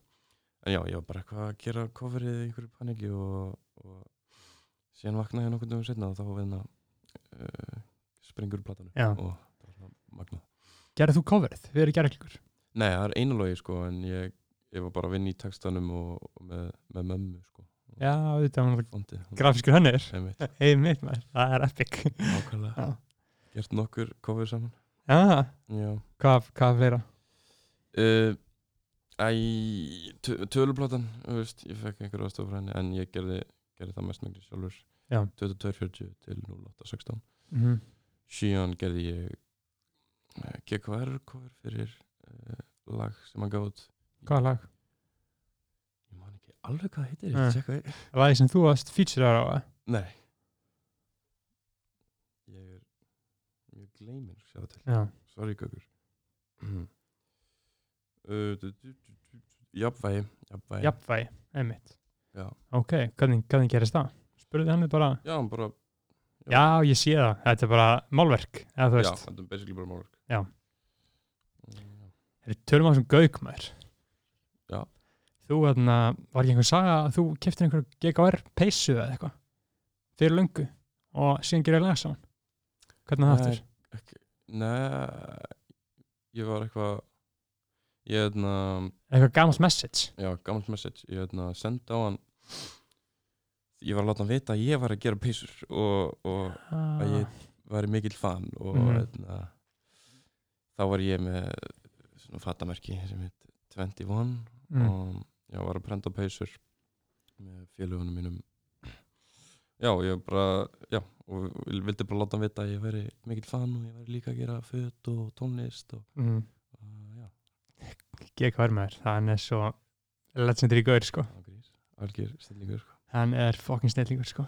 Og mér finnst hann svo fíla hann svo mikið því að pældi hvað hann er búin að gera þetta lengi skilur, einmitt, og hann er búin að vera svo ótrúlega konsistent já, og góður og einhvern veginn svo ótrúlega hreina og fallega list.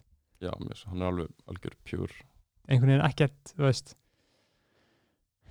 en, engin svona þetta er svona, það er ekki peningar í þessu skilur, nei, þetta er einhvern veginn svo sjúklega hrein og bein og fallega list sko. Ég glemði aldrei þegar ég sá uh, morgumat fyrst sko, í, í skólanum í, bara í tíma.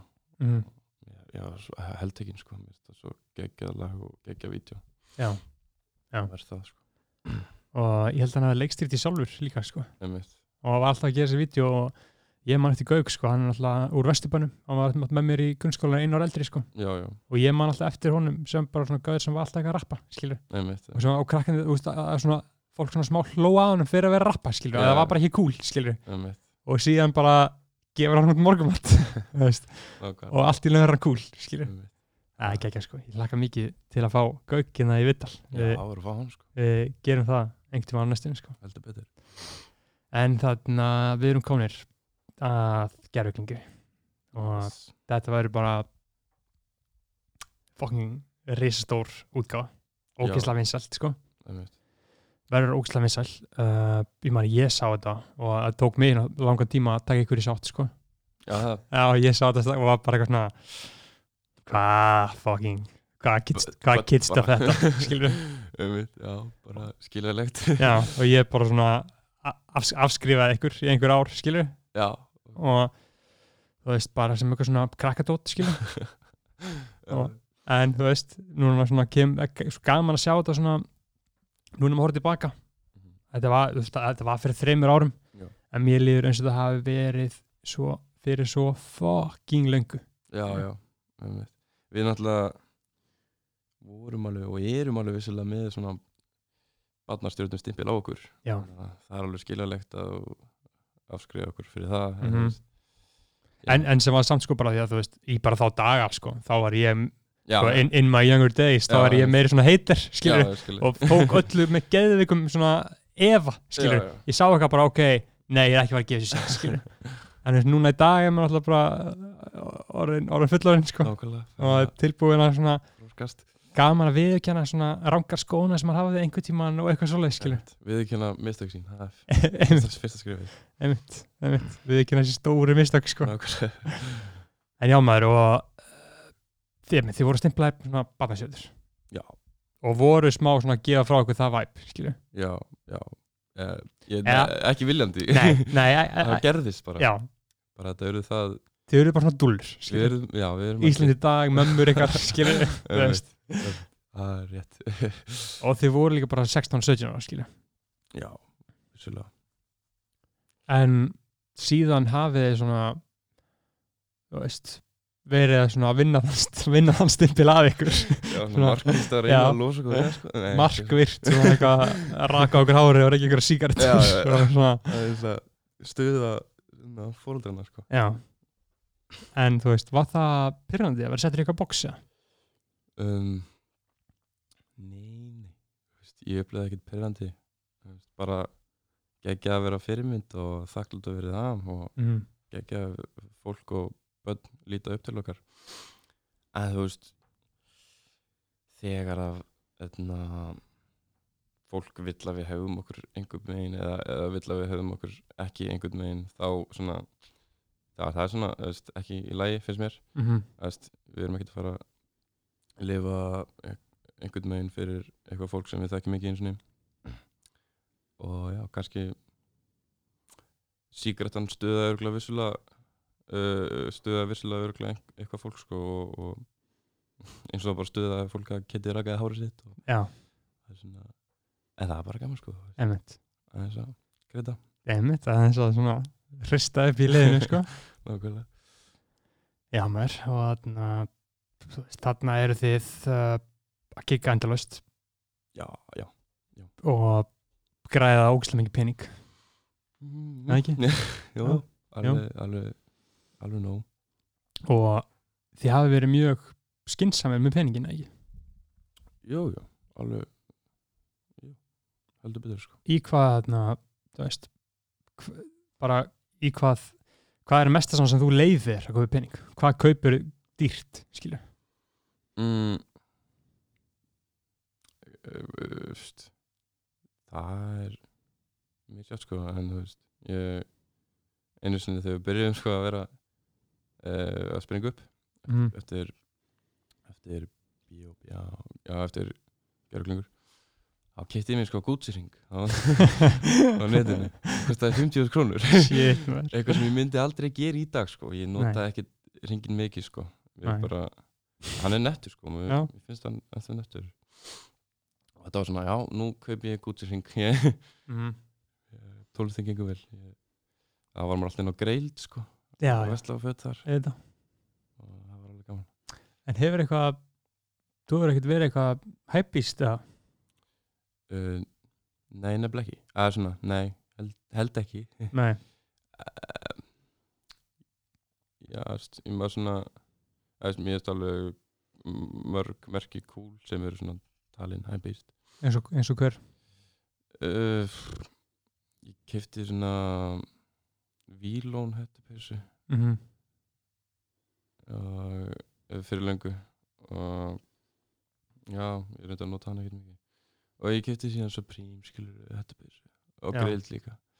Já, mér finnst alveg flott merki sko. Supreme, alveg, Supreme lalsinir í dót sko. Já, heldur betur. Gaman líka að kaupa eitthvað greilt já, mjög gaman sko. Þú það er ótrúlega þetta virki einhvern veginn svona vel Mhm, skilju nákvæmlega. já, en þú hefur alltaf verið uh, þú sagðir áðan að þú varst með uh, fatamerki og varst að hanna fött já, hvernig, hvernig, hvernig byrjar því? du, um, það byrjaði reyndar alveg snemma, ég hafði áhuga á því alveg í níunda, tíunda bekk. Og etna, byrjað, var alltaf með markmið að ég myndi fara að selja þetta en var svo lengi að undirbúa þetta og síðan ágæði bara kíla þetta á bauðsárunum mínum og lit prenta á hættupessur með félagunum mínum og já, og það var svona gekk alveg ágætlega við náðum Mhm. að selja fyrsta uh, batchið sko, af, af peysum sem bara var þetta alveg mikil vinna og svona fjaraði út. Já, en ég alveg stefnur kannski einhvern tímann að því að gera eitthvað slíkt sko. ég var alveg ennþá áhuga á, á fatahönnun Einmitt. og hvernig hvernig hana, hvernig klæðir þið í dag skilu er það mjög, ertu mjög meðvitað að vinna með eitthvað lúk eða þú veist um, suma daga, suma daga ekki sko. núna Mm. er maður alltaf að fara í samgömbanni og Einmitt. bara heima sko, að safna skeggi sanna skeggi og hlýða við þig og en, uh, það er maður ekkert eitthvað að bæla mikið í dressinu sko. Nei, en, en fyrir sjó og svoleiðis þá, já, þá er gaman að þá vil maður líta vel út sko. hva, hvað er það að kaupa fötin? um, ég er svona farin að byrja bara að vesla í second hand búðum Mm. og ég finn alltaf eða hefur fundið alltaf eitthvað sem ég fíla þar sko Já. þannig að já, góðar second hand búðir erlendis og, og hér á landi eru mjög skemmlega sko Ömmit, ömmit Herru, þarna það er kannski núna að við brjótum upp þáttinn. Einmitt. uh, Þú fyrst heimaðinu ég fekk heima hennu og það er að segja mér að við spilum uh, þinn kraftbyrtingar hljóm Guðjónsins ok, sæl fullkomna rapplag fyrir þér. Já, og hvað hva lag var fyrir valinu? sko um, Electric Relaxation með A Tribe Called Quest. Ok, ok það er það lag sem hefur, hefur haft hvað mest áhrif á mig Já, þegar ég byrjaði að í músikinni sko. Já það að rappa og kannski ekki til fullkomna ég veit ekki hvernig hið fullkomna rapplag er en, en mér finnst þetta rosalega gott lag. Emitt, ok, þarna hlustum á það. Yes, sir.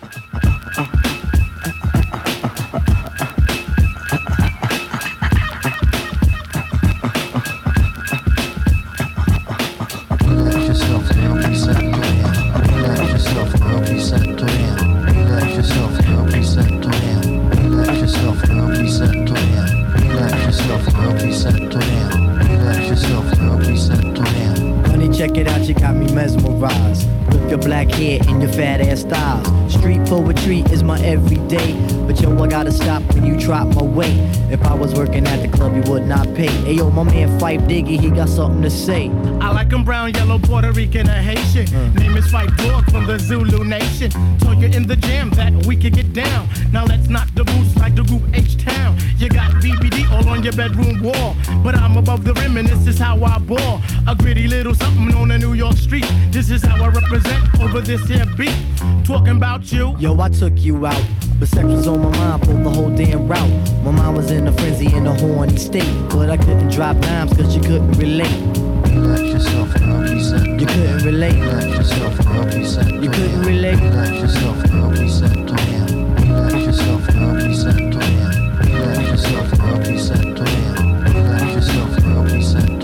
Stretch out your legs, let me make you fall. Drive you insane, drive you up the wall. Staring at your known piece, very strong. Stronger than pride, stronger than Teflon.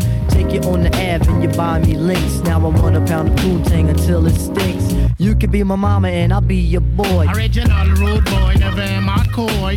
You could be a shorty in my ill convoy. Not to come across as a thug or a hood. But hun, you got the goods, like Madeline Wood. By the way, my name's Malik, the five foot freak. They say we get together by the end of the week. She simply said no, label me a hoe. I said, how you figure? My friends tell me so. I hate when silly groupies wanna run the yacht. Word to God, hun, I don't get down like that. I'll have you weak in the knees that you can hardly speak. Or we could do like Uncle Ella swinging up in my Jeep. Keep it on the down, yo, we keep it discreet. See, I'm not the type of kid to have my biz in the streets. If my mom don't approve, then I'll just elope. Let me save the little man from inside the boat. Let me hit it from the back, girl. I won't catch a hernia. Bust off on your couch, now you got Siemens furniture. Shy he fight and the extra P. Stacy Beetle, PJ, and my man LG. They know the ass jack is really so on ice. The character is of man, never ever a mice. Shorty, let me tell you about my only vice. It has to do with lots of loving, and it ain't nothing nice. Let yourself grow, be set. Yourself yourself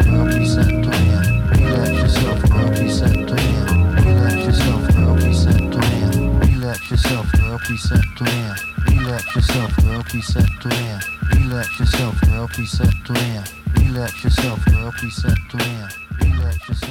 yourself. Þessi þáttur er í bóði hambúrgara staðarins Júsú á hverjusgötu 44 frábæri hambúrgarar, frábæra víbrur frábæri tónlist, frábæri staðsending allt frábært, ég myndi ekki vera að ljúga þessu tjekki á því, farið á hverjaskotu 44 á hambúrgarstæðin Júsú Þetta var uh, Electric Relaxation af plötunni Midnight Marauders. Aha. Frá árunni 1993 Já, eftir hljómsveitina Tribe Called Quest. Já, mikið rétt. Sem er skipuð uh, Q-Tip og Five Dog aðalega og Ali, Shahid, Ali Shahid Muhammad Já, nákvæmlega. Og hvað heitir fjóruði gaurin sem er stundum með þeim aftur? Það er, það er einhver einn gaur sem að fæða svona stundum að vera með skilur, Já, ég er ekki alveg kláraði sko. man ekki alveg hvað hann heitir. Það er einhver að hlusta á hlusta á þetta og brjálast en það verður bara að það sko. Rest in peace Five Dog. Já maður, hvíl í friði Five Dog maður. I like them brown, yellow, Puerto Rican and Haitian sko. Uh, Hvernig dó hann aftur? Bara fyrir, fyrir fimm árum eða eitthvað? Já, eitthvað hannig sko. Um, um svipa leiti og myndin Beats, Rhymes and Lives var að koma út sko. Emmett Já maður, mjög sorglegt. Uh, Hann sé dáinn, dóur síkur síki Já, emmett eitthvað svoleið sko, bara mjög ungur sko. Já, alveg ræðilegt sko og þarna, þetta lag er pródúserað af Q-Tip mm sem að rappa líka. Hann er, hann er bilaður, prodúser og rappari Elskan. Uh, horfur svona mikið til hans? Eða þú veist, hefur hann verið þér mikil einblástur gegnum tíðina? Já, kannski til að byrja með sko. En já, veist, eins og ég segi ég hlust ekkit mikið á old school tónlist í dag. Nei. Veit ekki, konið fram í það eitthvað en, en þú veist, ég get alltaf hlust á, á træp sko. Já. þeir klikka aldrei. Er, uh, er þetta svona komfort tónlistin sem þú ferði í eða þú veist, þegar er langar til að hlusta á eitthvað svona nostalgíu dæmið það? Já, kannski. Það, Já, mætti segja það sko. Það er mikil, mikil nostalgía í, í þessum lögum sko.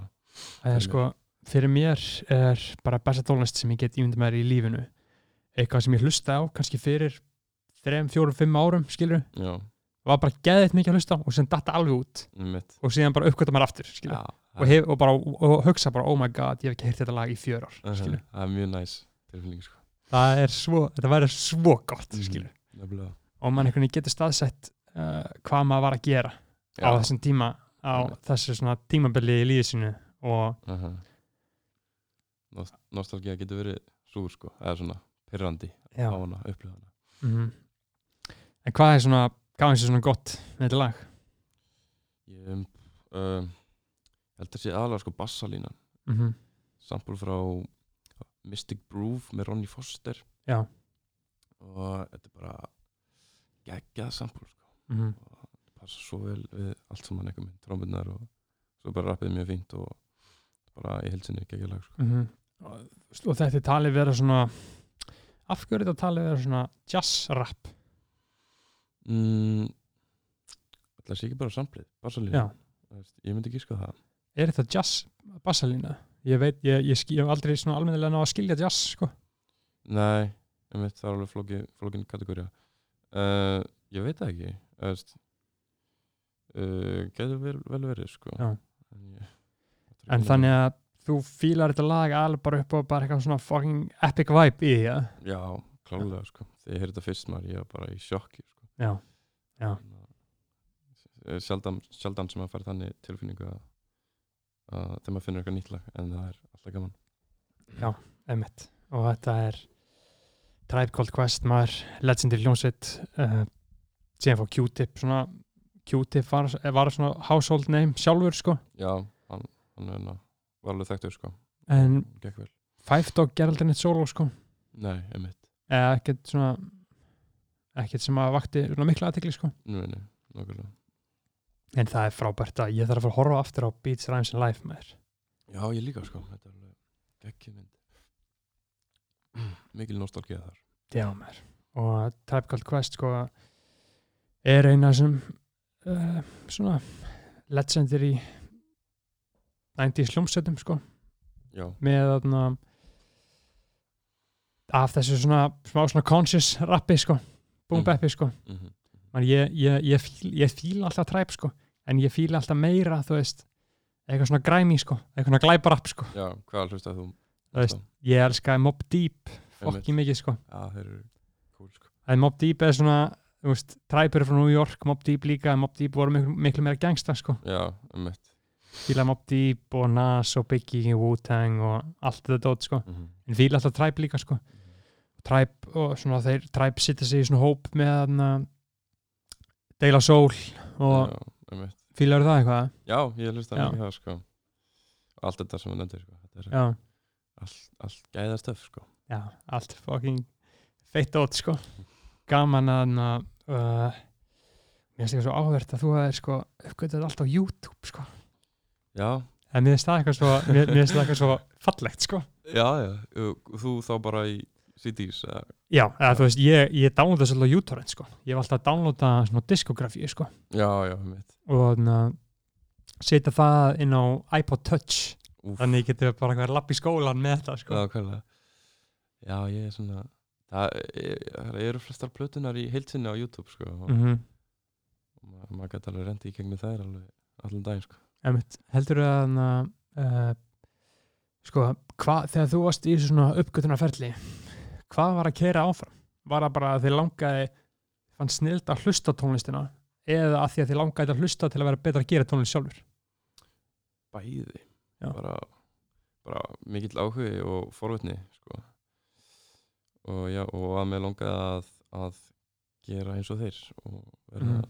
verða tónlistamæður mér fannst bara svo eitthvað heillandi við músikina og finnst það ennþá. Og hún er, er eitthvað sem hefur haldist við hvað lengst af með, með allt sem ég hef gert þá er hún haldist e, lengst, já. Auðvitað, Æ, þú er náttúrulega búin að vera beatboxa, Já, ég er dansa. svona, tímabil sko. Já, hanna fött Hefur verið að gera, gera eitthvað annað? uh, Já, náttúrulega handbóltinn og, og já, með YouTube síðu Já, það. Ég var að kleipa handbóltavídeó og það- alveg með 25.000 subscribers Wow. Þannig að það var tímabil sko Mm um, Það var bara einhver svona erlend, bara compilation. Já, bara, já, compilation Gekja. Var, Það var, var ekkit mikið um handbóltavídeó maður það svo leðilegt sko. Ákvað ákvað að kíkja eitthvað á það sko Mm. Það var mjög gaman um, Já, maður hefur gert allan fjöndan sko en, en tónlistin er eitthvað sem hefur alveg haldist uh, haldist við að einhver alveg sko. Já, þannig hefur alltaf verið, uh, mér finnst alltaf svo svona menn sem orðnir uh, ágætlega gamlir alltaf hefn áhugavert sko að hvað menn eittu úlingsáran sinum í, skilur. Mm -hmm. og flestir svona eins og þú sem voru að gera eitthvað þeir eru alltaf mjög þakklátti fyrir að hafa verið alltaf að gera eitthvað alltaf að rækta eitthvað hæfileika eða þróa eitthvað sko. Í staðin fyrir að þú veist spila bara töluleiki, skilur þótt að það sé náttúrulega bara fínt, skilur. Gó, góða leið með það. Já, en ég held að allir séu svo þakkláttir. Veist, ég, ég meira að segja ég sjálfur ég vildi að ég hefði, ég vildi oska þess að ég hefði ekki verið að spila töluleiki, sko. Já varst, þú, þar bara? Já, já, eða, þannig séð, skilur Já. maður var bara í World of Warcraft og Counter Strike og eitthvað, sko. Góðu leikir varst þú ekki til töluleiki, já, töluleikim Ég var ég var mikið í FIFA sko. Já, tók tímabil þar og já, já það- og var heldtekinn af Ultimate Team sko var alltaf að kaupa FIFA points og eitthvað. Mm. og já, verið FIFA, spila FIFA og Sims líka. Mm. um, Minecraft, tók Minecraft tímabil. Og vinnu minn átti server sko við vorum átt á honum, það var ekki veisla. En annars spila ég ekkert rosalega mikið töluleikum í dag nema kannski FIFA á til. Emitt, emitt en þannig að þá getur farið aftur yfir í svona línulega línulega dagskrá. Um, þið gefa nút gerðuglingur make it big time uh, og síðan fara að vinna í afsaki lé Já. Mhm. og hún er gerð bara á hálfu ári eða eitthvað. Svo á meðan þið eru bara á algjörlega ó, ógeðsla vinsalir Já, klálega Já, við hérna hver er, hver er munurinn munurinn á henni? Og mynd, myndi segja að vera kannski aðeins meira músikalsk heldur en geruglingur a- aðeins poppaðir eða? Já, um eitt En já, en Já, ferli var sko líka öðruvísi, veist, við vorum þá búin að kynast formóði og vorum alltaf uh, fara í einhver ný stúdíó og eitthvað svona og vorum ekki bara í sveittu litlu stúdíó í Laugardalum Mhm. hjá Landabóis sem leiði okkur að vera þar eh, við gerð, gerðuglingur. En en uh, við vorum alltaf bara að spila ein- eins og brjálæðingar eftir gerðuglingur og komust ekkert í stúdíó í mjög langan tíma. Mhm. uh, hvað við vorum bara fengur svona svolítið mikill kreifi að, að fara semja eitthvað á ný. Þá gerum við sjúkir í mig. Af fyrsta lagi sem gerum sem er fyrsta lagi á blöðinu ásakilja og já og síðan bara byrjuðu hægt, hægt og rólega fleiri lög að koma og það er allt svo gaman að að sapna í plötu sko Já, það ekki. og maður svona, já þetta getur verið á plötunni og maður svona veit ekki alveg hvað er að fara að gerast en finnur eitthvað eitthvað að vera, í, vera að gerast sko og já það er mjög falleg fæðing alltaf Einmitt. og á þessar blötu þá eru MC Gauti, Herran Heitismjör Já. Aron Kahn Smjörfi, Helgi, Albert og Stóri. Já. held að sé allir og hvernig er þetta svona á þessum tíma, hvernig sjáuð ykkur í svona samhliða svona kollegunum og jafningum öð, öðrum röppurum? Hvernig er svona samskipti og sambönd við allan hennar svona stóra heim sem var til árum þið allt í hennu komið inn og eruðu vinsalega en allir skilur, það veist, hvernig, hvernig skinnið einhver afbreyði sem eða þú veist? Nei, nefnilega ekki þú veist, maður uh, kynntist uh, hellika fólki í gegnum tólþina og allir ósköp næ sko, bara maður eignast fullt af vinnum Mhm. í, í gegnum tónlistina og margir betri vinni minnir í dag uh, en þú veist, já og nei, fann ekkit ekkit fyrir nefni afbrýðið sem ég sko, bara bara mikil, mikil ást í sinni sko Mhm. Góðir vinnir og það hefur náttúrulega á, á þessum tíma einmitt, ég man því, þá var mjög svona gaggrind hvað þetta var lokuð sena sko, já, hvað var mjög svona erfitt að komast inn án þess að þekkingut og eitthvað svoleiðis já, einmitt. leið ykkur eitthvað svoleiðis áður en að þið, áður en að þið komast inn veist, hvernig, hvernig horfðu þið hvernig svona sem algjöru svona út, outsiderar að horfa inn skilur, Mhm. þegar þið bara áður en gáðu gerfurkingur og voru bara að horfa á bara alla, þú veist, Byrni, Herra alla henni voru one og allt þetta Mhm. þú veist, horfðu þið á það sem bara eitthvað svona veist, við viljum vera vini þeirra eða þú veist, hva, Já. hvernig sáum við alla hérna maður náttúrulega dýrkaði þá sko og horfði bara með uh, bara, þú veist, aðdáðun sko á þá en já, veist maður, maður var bara huge fan bara 16 ára pjakkur að hlusta á Já. rap sko mm -hmm. og síðan þegar maður kom sjálfur inn í sinna maður var ekkert að fara að vera með eitthvað dólk sko en eitt annir maður bara uh, var ennþá huge fan sko af, og, og, af þessu liði sko og já eins og ég segi bara mikil ástísinn og allir, allir sérlega góði vinnir sko. Mm að ég man eftir því, uh, það var eitthvað greip hva, hvað var eftir sko áður en þið gáðu gerfurkingur en það sumarið? Já, þá var eitthvað greipvæn viðtal eða eitthvað Aha. og herra, herra sagði eitthvað um ykkur á Twitter já, eitthvað. já, hvað var það eftir? það er hérna út af spreða vídeo við spreða lagið okkar á annarnarsplötunni annan gerðum við vídeo sem var skotið í bílakjallar í Hamaraborginni. Mhm. og honum fannst svona svolítið farulegt að að reppa 2.10 en verið í Hamaraborginni að skella vídeo. Já, bara fer punktur sko. Og, og hérna, við tókum þessu bara og, og, og síðan tölum við eitthvað um þetta í greipvæn viðtalinu og sögðum bara eitthvað svona ég man ekki alveg hvað sögðum bara vitnum eitthvað í þetta og þá tweetaði herrandi neitt sem er aftur eitthvað mikil ást bara á okkur og Já. eitthvað. Það var gaman sko. Og þið bara svona ha, ha, hafið síðan verið bara góður homies? Já já, bara við erum fínustu vinnir sko. Já, ég menn hann, hann verdaði ykkur þegar að þið urðuðu svona fyrir svona smá uh, fekkur svona smá neikvæða umfjöldun á Twitter þegar þið spiluðu þarna í, fyrir sjálfstæðisflokkin já, Já.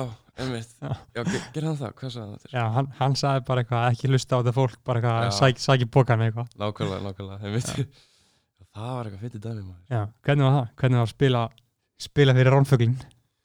sko, veist við, ég veit ekki, þetta var bara einhvern var í kalendarinnum okkar og við bara púluðum upp og Já. já, sæl það Fjármálar á þeirra Blessaðir. Blessaðir. og síðan bara var allt vittlust á Twitter og eða kannski ekki allt vittlust, bara eitthvað mann ekki bara Ég- kannski eitthvað þrý, þrýr, þrjár hafa rættir eitthvað Já. svona. ég náttúrulega er ekki á Twitter sko, ég, ég sé svo lítið af þessu en ég man já, við Kitty svaraði fyrir okkur bara eitthvað svona að við erum ekki eins og með kostningar rétt skilur og við erum bara að vinna vinnun okkar einmitt að þetta var bara annað anna gigg á kaldurinn ykkur, ekkit endilega já, við vissum bara rosa lítið um þetta sko. já.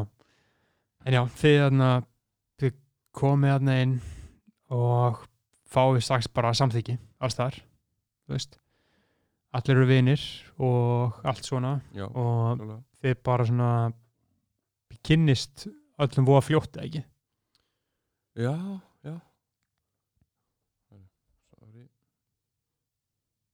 Já, uh, já, já. Það, já, bara maður kynnist fullt af fólki og, og já, byrjum að vinna með, náttúrulega, erum náttúrulega búin að vinna með Landabóis uh, áður mm Mhm. á gerðugluplötunni og erum þar búin að kynnast þeim kynntust þeim svona fyrst og þeir eru æðisleir og bara betri vinnur okkar í dag. Og þar kynnust við Starra sem er bara ennþá að vinna með okkur í dag já, sta var starri bara meðlemur landabóis Já. ok, Hann ok. er- hann er meðlum með Landabæ sko og, og er bara já, búin að vinna með okkur síðan. Einmitt við kynnumst honum sko. Er starri ekki þokkulegu kinga? hann er algjör Já, king sko. Ég er svona búin að heyra það sko. Já. Er að fá hann í þáttinn sko. Já, 100% sko. Að hann sé alltaf svona að vera meira og meira king sko. Já, hann er mest king sko já. Já maður þarna segir maður hans frá uh, stúdíónu ykkar. E, núna? Þarna í Borgatúni ekki? Borgartúni. já, ég hef aldrei komið en ég hef bara svona heyrt Já. Það er svona mikið að mismundi fólki að gera mismundi hluti og góð stemming. Já, klálega. Við erum hann hvað 18, 17 eða eitthvað. Og það eru tvö stúdíurými og síðan er uh, tölvurýmið basically, bara tvær pleysin og tölvur og allir að eitthvað að chilla. Og síðan er eitthvað skrifstofu og, og við erum bara öll eitthvað að gera okkar sko það er ekki alltaf rosalega reynd hana sko. Nei, ég heyrt það. mikið, verið þetta. Já, ég heyrt það sko. Já, ok. Er þetta lapp inn og tekur pizzakössum. Já, já, þetta hefur verið alveg skellulegt sko en, en við tökum síðan til svona. Og þurfum að fara í okkur í gang núna í, í umgengnismálum í stúdíunum já, hvað, hvað er það mörgana? uh, átján minni mig. Átján, Já. wow, það er stór drými það já, nefnilega, eðast, já, já. Þetta hefur alveg já, við erum líka ekkert öll alltaf á sama tíma svona, þetta hefur gengið vel. Og ert þú að mæta þarna bara á hverjum degi eða bara svona þegar þú nennir og, þú veist?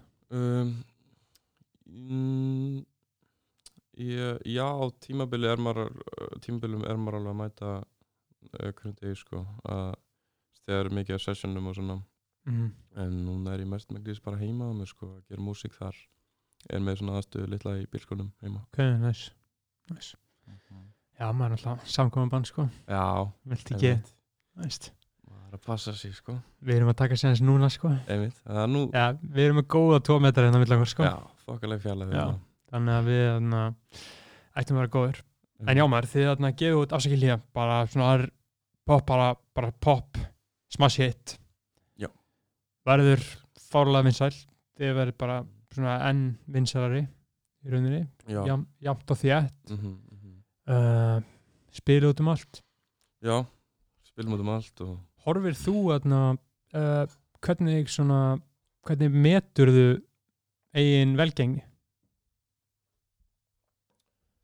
uh, wow. uh, bara þú veist náttúrulega pælir í tölum skilur uh, en bara þú veist líka bara hvað fólk er að segja og fólk er að hrósa okkur. Maður tekur uh, pælir líka í því mikið og bara öllu saman skilur og, og náttúrulega bara ein instinkt skilur hvernig, hvernig mér, lí- mér líður með tónlistina veist. Ég myndi ekki hægt að gera tónlist ef það var ekki einhver tekjur í því skilur mm -hmm. Veist, ég elska að gera tónlist þetta er það skemmtilegt sem ég geri og ég gera þetta á hverjum degi. Og þannig að ég myndi þetta ekki bara út frá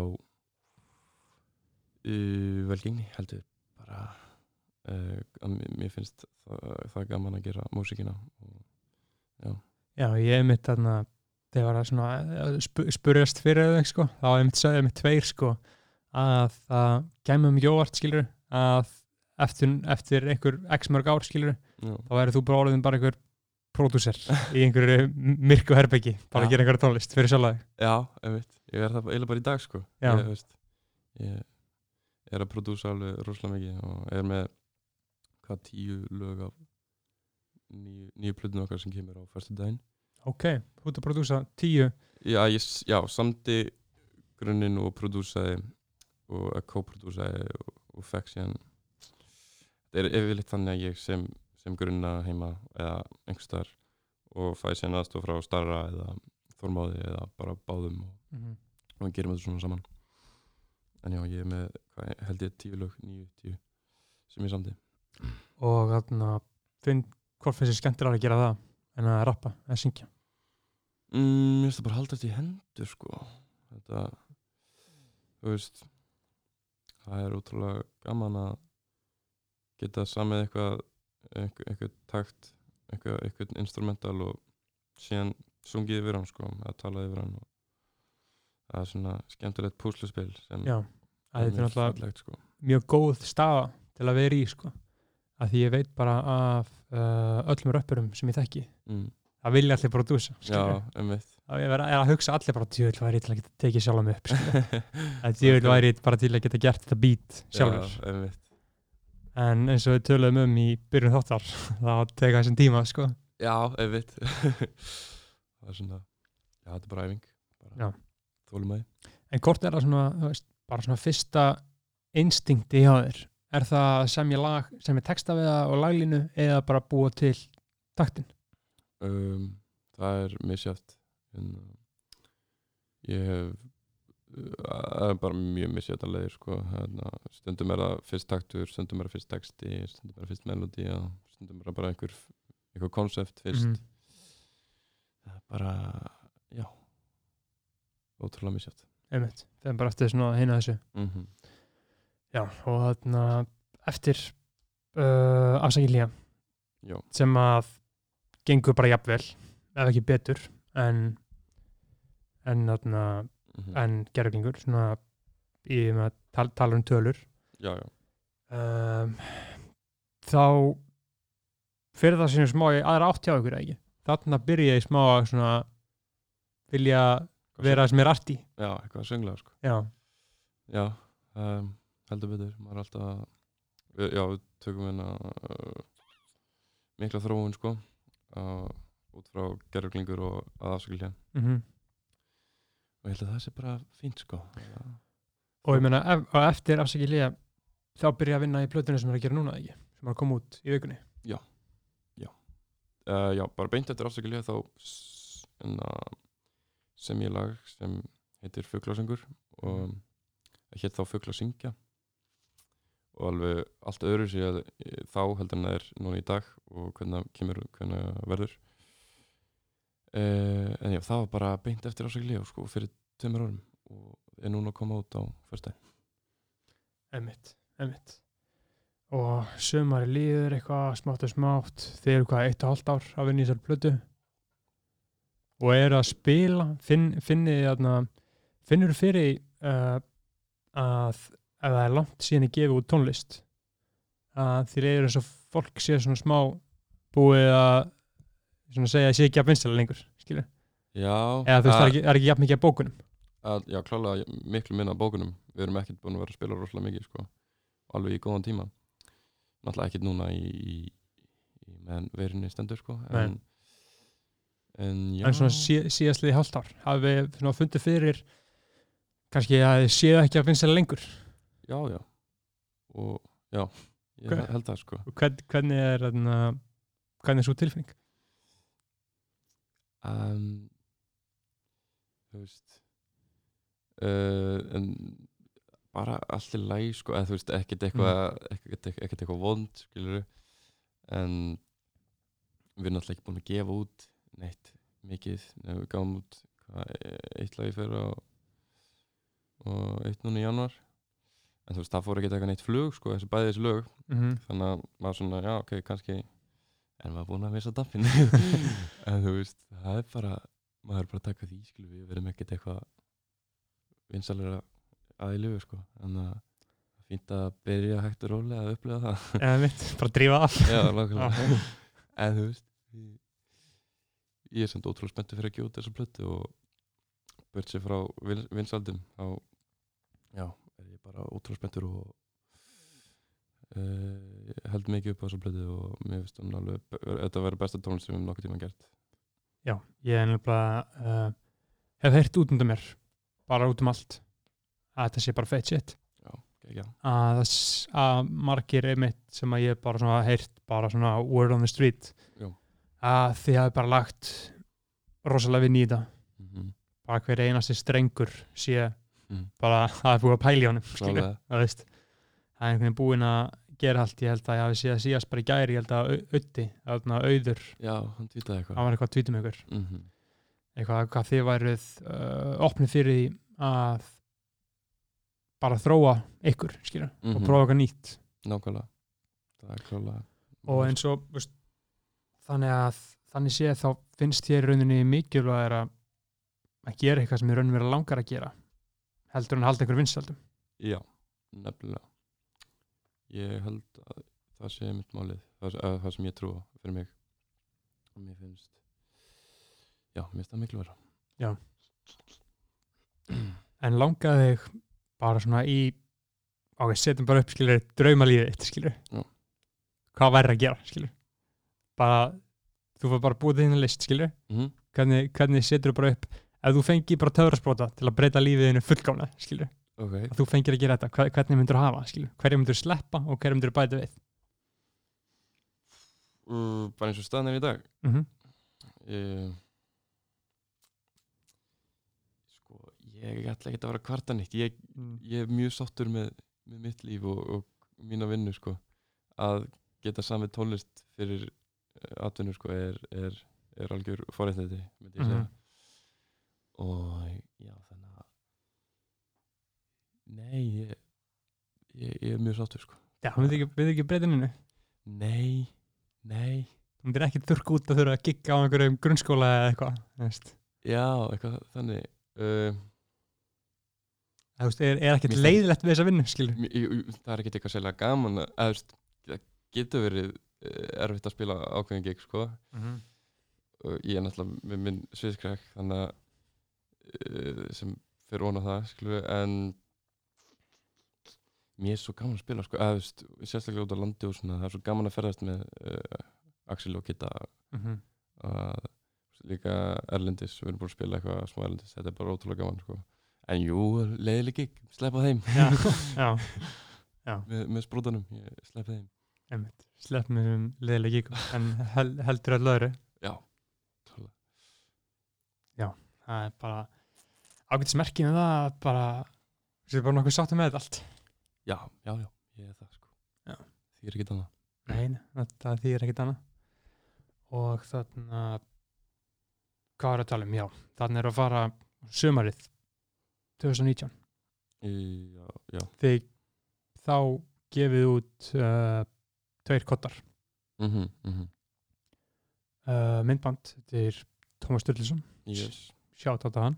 Out to Tomma um, og Anthony Fantano hann fann það og shout out Já. hann meðlónu hausinn. Það er toppurinn á ferlinum sko. Já, Hann tweetaði hérna Weird but I like it sko. Já, hvernig var svo tilfinning? Mögnu sko. Fílar hana Ég er mikill fan af já, Anthony Fantano sko Ég fylgist alveg með honum. Já, hann er frekar Will King sko. Það sko. Ég, ég fylgist með honum bara, þú veist það er einhver blada sem ég hef áhuga á skilju. Já, ég sækist ekkert í að horfa á eitthvað sem ég þekki ekki skilju, en ég, mér finnst gaman að sjá hvað honum finnst eitthvað um, þú veist eitthvað nýju Lil Baby plötuna. Mm. eða, saman hvað er skilju. Hann er algjör stillingur sko. Já, En já, tveir kottar uh, Það var útrúlega gaman að, skjóta það vídeo. Þetta var á Bólungavík mhm, Fengum stúdíó lána hjá Ella uh, Egilsinni mhm. Geggja stúdíó sko. Og ég svona Ég vissi alltaf af þessu stúdíó og mér langaði svo að skjóta vídeo einhvern tíman Og Já. þetta var kjörið tækifæri fyrir það. Mhm, Og já, kerðum hana. Þetta var svona eitthvað svona svolítið sem lýsir okkur í, í vinnuferli og svona á síðustu stundu einhver megin við hérna, plötuðum vin okkar bara þú veist tveimdum fyrir eða í degi fyrir allavega Axel að koma með okkur til Bólungarvíkar á bara daginn eftir og kerðum hérna uh, í þú veist sjö tíma eða eitthvað Mm. og síðan bara tilbaka hvað, daginn eftir held ég Já. eða voru eða hinn daginn, já, vorum held ég tvænundur og já, það var ótrúlega, gaman sko og, já, alltaf gaman að skjóta vídeo en þetta var alveg sérlega skemmtilegt ferli sko Mm Er einhver vídeo uh, sem er eftir að koma frá nýja plötinu? eða? já, við erum með tvö vídeo ready fyrir uh, tvö lög sem heita Ósvara símtal og Óska mér Ok, og við erum svona unna að pæla hvað hva við erum að gefa út á undan og svona hvað það myndi þá örugglega bara koma þú veist á í fymtu daginn eða miðugu daginn þú sem ert að hlusta. Nice. Þannig já. Þannig, en hvernig er svona að því að það er alltaf heljar hann að vesen? Að búa til tónlist, gefa út tónlist og búa til myndbönd og markað setja og hvað sem hérna, hvernig er svona infrastruktúrin í kringum ykkur? Er svona infrastruktúrin, skilur þetta er þú og Kitty saman. Já. Axel, allt ann DJ-in ykkar mm -hmm. með ykkur. Uh, þeir eru með umbásmann já, Henny, eða ekki? jú. Henni og átni, já þau eru tvö með klapp. Já. Hvernig þarna hvernig eru svona ákvarðanir teknar skilu hvernig, er þetta allt svona samvinna ykkar allra eða þú veist, hver er Mm. svona drifkrafturinn á bakvið allt þetta að keira þetta áfram? Já, bara mikil samvinna sko, við erum svo góði vinnir og þetta er uh, öll hljómsveitin og ég er bara allt stúdíóið sem er að vinna saman að einhverjum pælingum þú veist. Við erum með gæja sem er að Muni, hann er að gera þetta visuála fyrir okkur og svo Tommy er náttúrulega að gera já, flest öll vídeo og gerði bæði þessi vídeo og, sem við erum að fara að gefa út og svo, já, Axel hann líka leikstyrði og svo er það tímtal og þetta er bara svona mikil samvinna bara, Mm. við erum öll, öll saman í þessu að koma einhverja pælingar, mikið frelsi að að koma með hugmyndir sko. en, ég, er- en, en, en bara svona praktist framkvæmd á því við sjáum peningana já, og eitt allt þetta svona leiðilegi hlutin. Já, uh, við erum ekki búin að vera dölir að pæla í leðlu hlutunum sko, við erum við erum svolítið fljótir á okkur stundum. Mm. en, og það fyrir stundum í baki okkur en, en við erum með frábært frábæra foreldra, foreldra sem hérna, eru duglegir að minna okkur á, á mikilvægi þess að pæla í, í þeim líka. Einmitt og umbúsmenn sem eru bara líka duglegir í því og þeir eru með svona fyrirtæki í kringum ykkur, eða ekki? Já. já. og gerir allt bara gegnum það mm -hmm. um, en eins og núna, þú veist, fáið einhverja bætur út af því að uh, ég er alltaf búinn að sækjum já, ég veit ekki hvað það er í ferlinu sko. nei, ég, heldur eitthvað sé að fara að gerast ég, ég veit það ekki já, sko. það kemur að ljós en þú veist, þetta er alltaf bara já, svo þetta bara um að þetta væri uh, tímabundið tekjutab vegna verunar sko. Sem bara staðan. Einmitt, einmitt. Já, það er með svona ágætis infrastruktúr og geti keirt svona dót áfram. Um, tekur sundur sinni tíma eins og já, já, festist eitthvað já. getur verið uh, algjört vesen. En við vorum að tala áðan um svona uh, slæmurliðina á þessu. Mm og það sem að flestir tala um að slæma hliðin á því að vera tónlistamæður það er þessi frægð. Já. Hvað- og hvað, hvernig dýrað þú? Hvað, hvað finnst þér um að vera frægur? Hvernig líður þér að fara í sund fara í heitapottin? Og þú veist að flestir í lauginu bara eitthvað vita hvað þú ert og er að hugsa um þig skilur sko um, ég veit það ekki. Það var aldrei eitthvað ángra með sko, að, að fara í synd og eitthvað var svona að spotta kannski e- eitt og þrjá krakka að vera eitthvað svona að svona að horfa en þú veist ekkert verið en það sko það er bara þannig að þetta hefur aldrei eitthvað haft eitthvað slæm áhrif sko bara gaman að spjalla við fólk skilur í bænum eitthvað og, sem er uh, áhugasamt og, Mhm. og já, það er, finnst það bara eða? Já, já, þú veist Já, ald, eða, veist, maður lendir alveg stundum í einhverju svona um, og það er eða perandi eða eitthvað en þú veist uh, já, sem er bara sem er bara alltaf læskilur og Einmitt. gerist. Uh, Hvað skal ég líka búin að sjá á það því að hann alltaf pappiðin er frægur. Ekki? já, jú, Jú. Uh, jú, jú, hann er handbalta Já, og stuttu áður en að þú verður mjög frægur þá verður fændiðin frægur. Já, hann er svolítið frægur. Svona að fólk fyrir aðeins að þekkja nafnið uh, Guður Tjá er- það er hann um, hvernig var að veist, hafa bara einhvern bró, bróðu pappa eins skilur, sem að Mjög- þú auðvitað allt í hennu breytist allt í hennu hvernig þú sér hann, eða ekki? Jú, jú, jú, það veist. Já, hann, já, það er mjög surrealist sko. En hann er það bara sami Guðni sko, Guðni frendi en já, já, mjög spennandi. Og Já. að fara eitthvað á bestastæði í ammælisbóð og, og uh, já, einhver bóð þar, það var alveg, alveg frekar cool sko. Og hef bóðið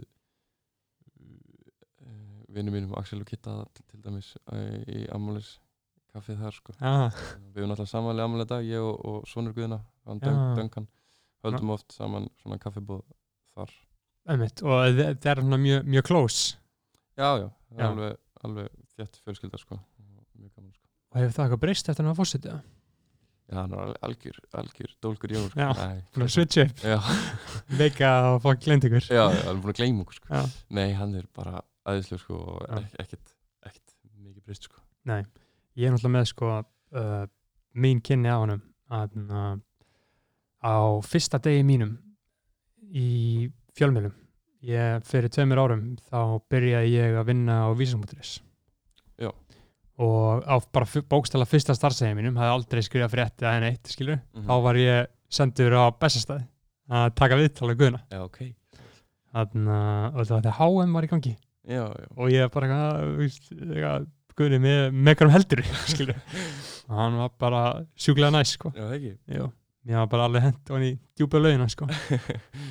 Beint í, á bestastæði bara. Já, ég held að þetta myndi ekki endilega gerast á gerast niður í öðru landi en Íslandi sko. Nei, er, við erum svolítið líbó. Já, einmitt. En já, þú bara einmitt áhugað þetta með fræðina að þú lætur það ekkert svona hafa áhrif á þig. Já, einmitt. nei, nei, nei, það er bara það hefur svona kost og einmitt, eins og allt saman. En ég er ekkert skrítið einhvern veginn svona kýtlar þetta aldrei eitthvað svona hégóma nýr skilur þú veist að þú bara veginn fara eitthvað svona kikk út í allir að fíla þig og eitthvað svoleiðis Jú, jú, það, það, er alveg uh, getur verið gaman sko og Já. jú, maður fær alveg svona ekobúst á giggum og svona það er, það er stemming og, og já, það, það getur verið alveg, jú, það getur verið mjög gaman líka hefur þú fengið þarna, svona samþykki frá einhverjum sérstökum sem þið svona virkilega langaði til þess að sanna þið fyrir um, kannski Ármann í Keflavík mm. lít mikið upp til hans og hans tónlist. Hefur hlustað á Keflavík bara frá því fyrir löngu. Og við erum núna að byrja að vinna alveg stöðugt saman sko og það er ótrúlega gaman. Og já, ég lít ennþá mikið upp til hans og hans eh, og hans sem tónlistamann mm -hmm. ok, cool. Mhm. hvernig þá, bara fíla svo mikið dót sem að gerir og Já, ég hjúts Keflavík fann sko. Já. og eitna, já, og þið eru náttúrulega á uh, plötunni sem að þeir já, og þeir eru á plötun okkar eru með eitt lag sem e, verður á plötun okkar sem kemur á fyrstæðin hver eru líka á plötunni, du, du, du, uh, Auður, og Já. hvernig það er að vinna með honum? Á, bara geggja sko. Það, að- það var alveg í september þegar við gerum þessi lög. Mm -hmm. með, honum. Og já, bara frábært sko. Það var útrúlega gaman. Er Guðrún getur hann og Hipsum Haps fannar. Ok, hvað fann það að syngja? Fannar að syngja. Ok, ekki ekki og, og, og, Stóri eh, Landabói og Helgi A. Landabói. Ok, og held ég að sé komið. Mm og þetta eru hvað, 17 lög? Þetta eru já, 17 lög 17 pluss lög. plus intro og ádra það er langt maður. Mm -hmm. slettuðu klukkutími. Mm -hmm. stjætt klukktími já, það er þið, afsækja hlýja var náttúrulega löng líka. Já, hún, já, hún var 17 lög líka. En íslensk svona íslenska plötur hafa almennt ekkert verið svo langar. Uh, nei, það var svona alltaf miða við einhver meginn já, Bríett, Bríett líka hún er á blöðinu líka. Mm, já, það er alltaf mið og Alexandra. Ég vil ég gleyma allir minna Nei, gott að tjekka á þessu. Uh, já, plötur er alltaf svona níu, tíu lög einhver meginn, mm svona alltaf verið einhver svona viðmið. já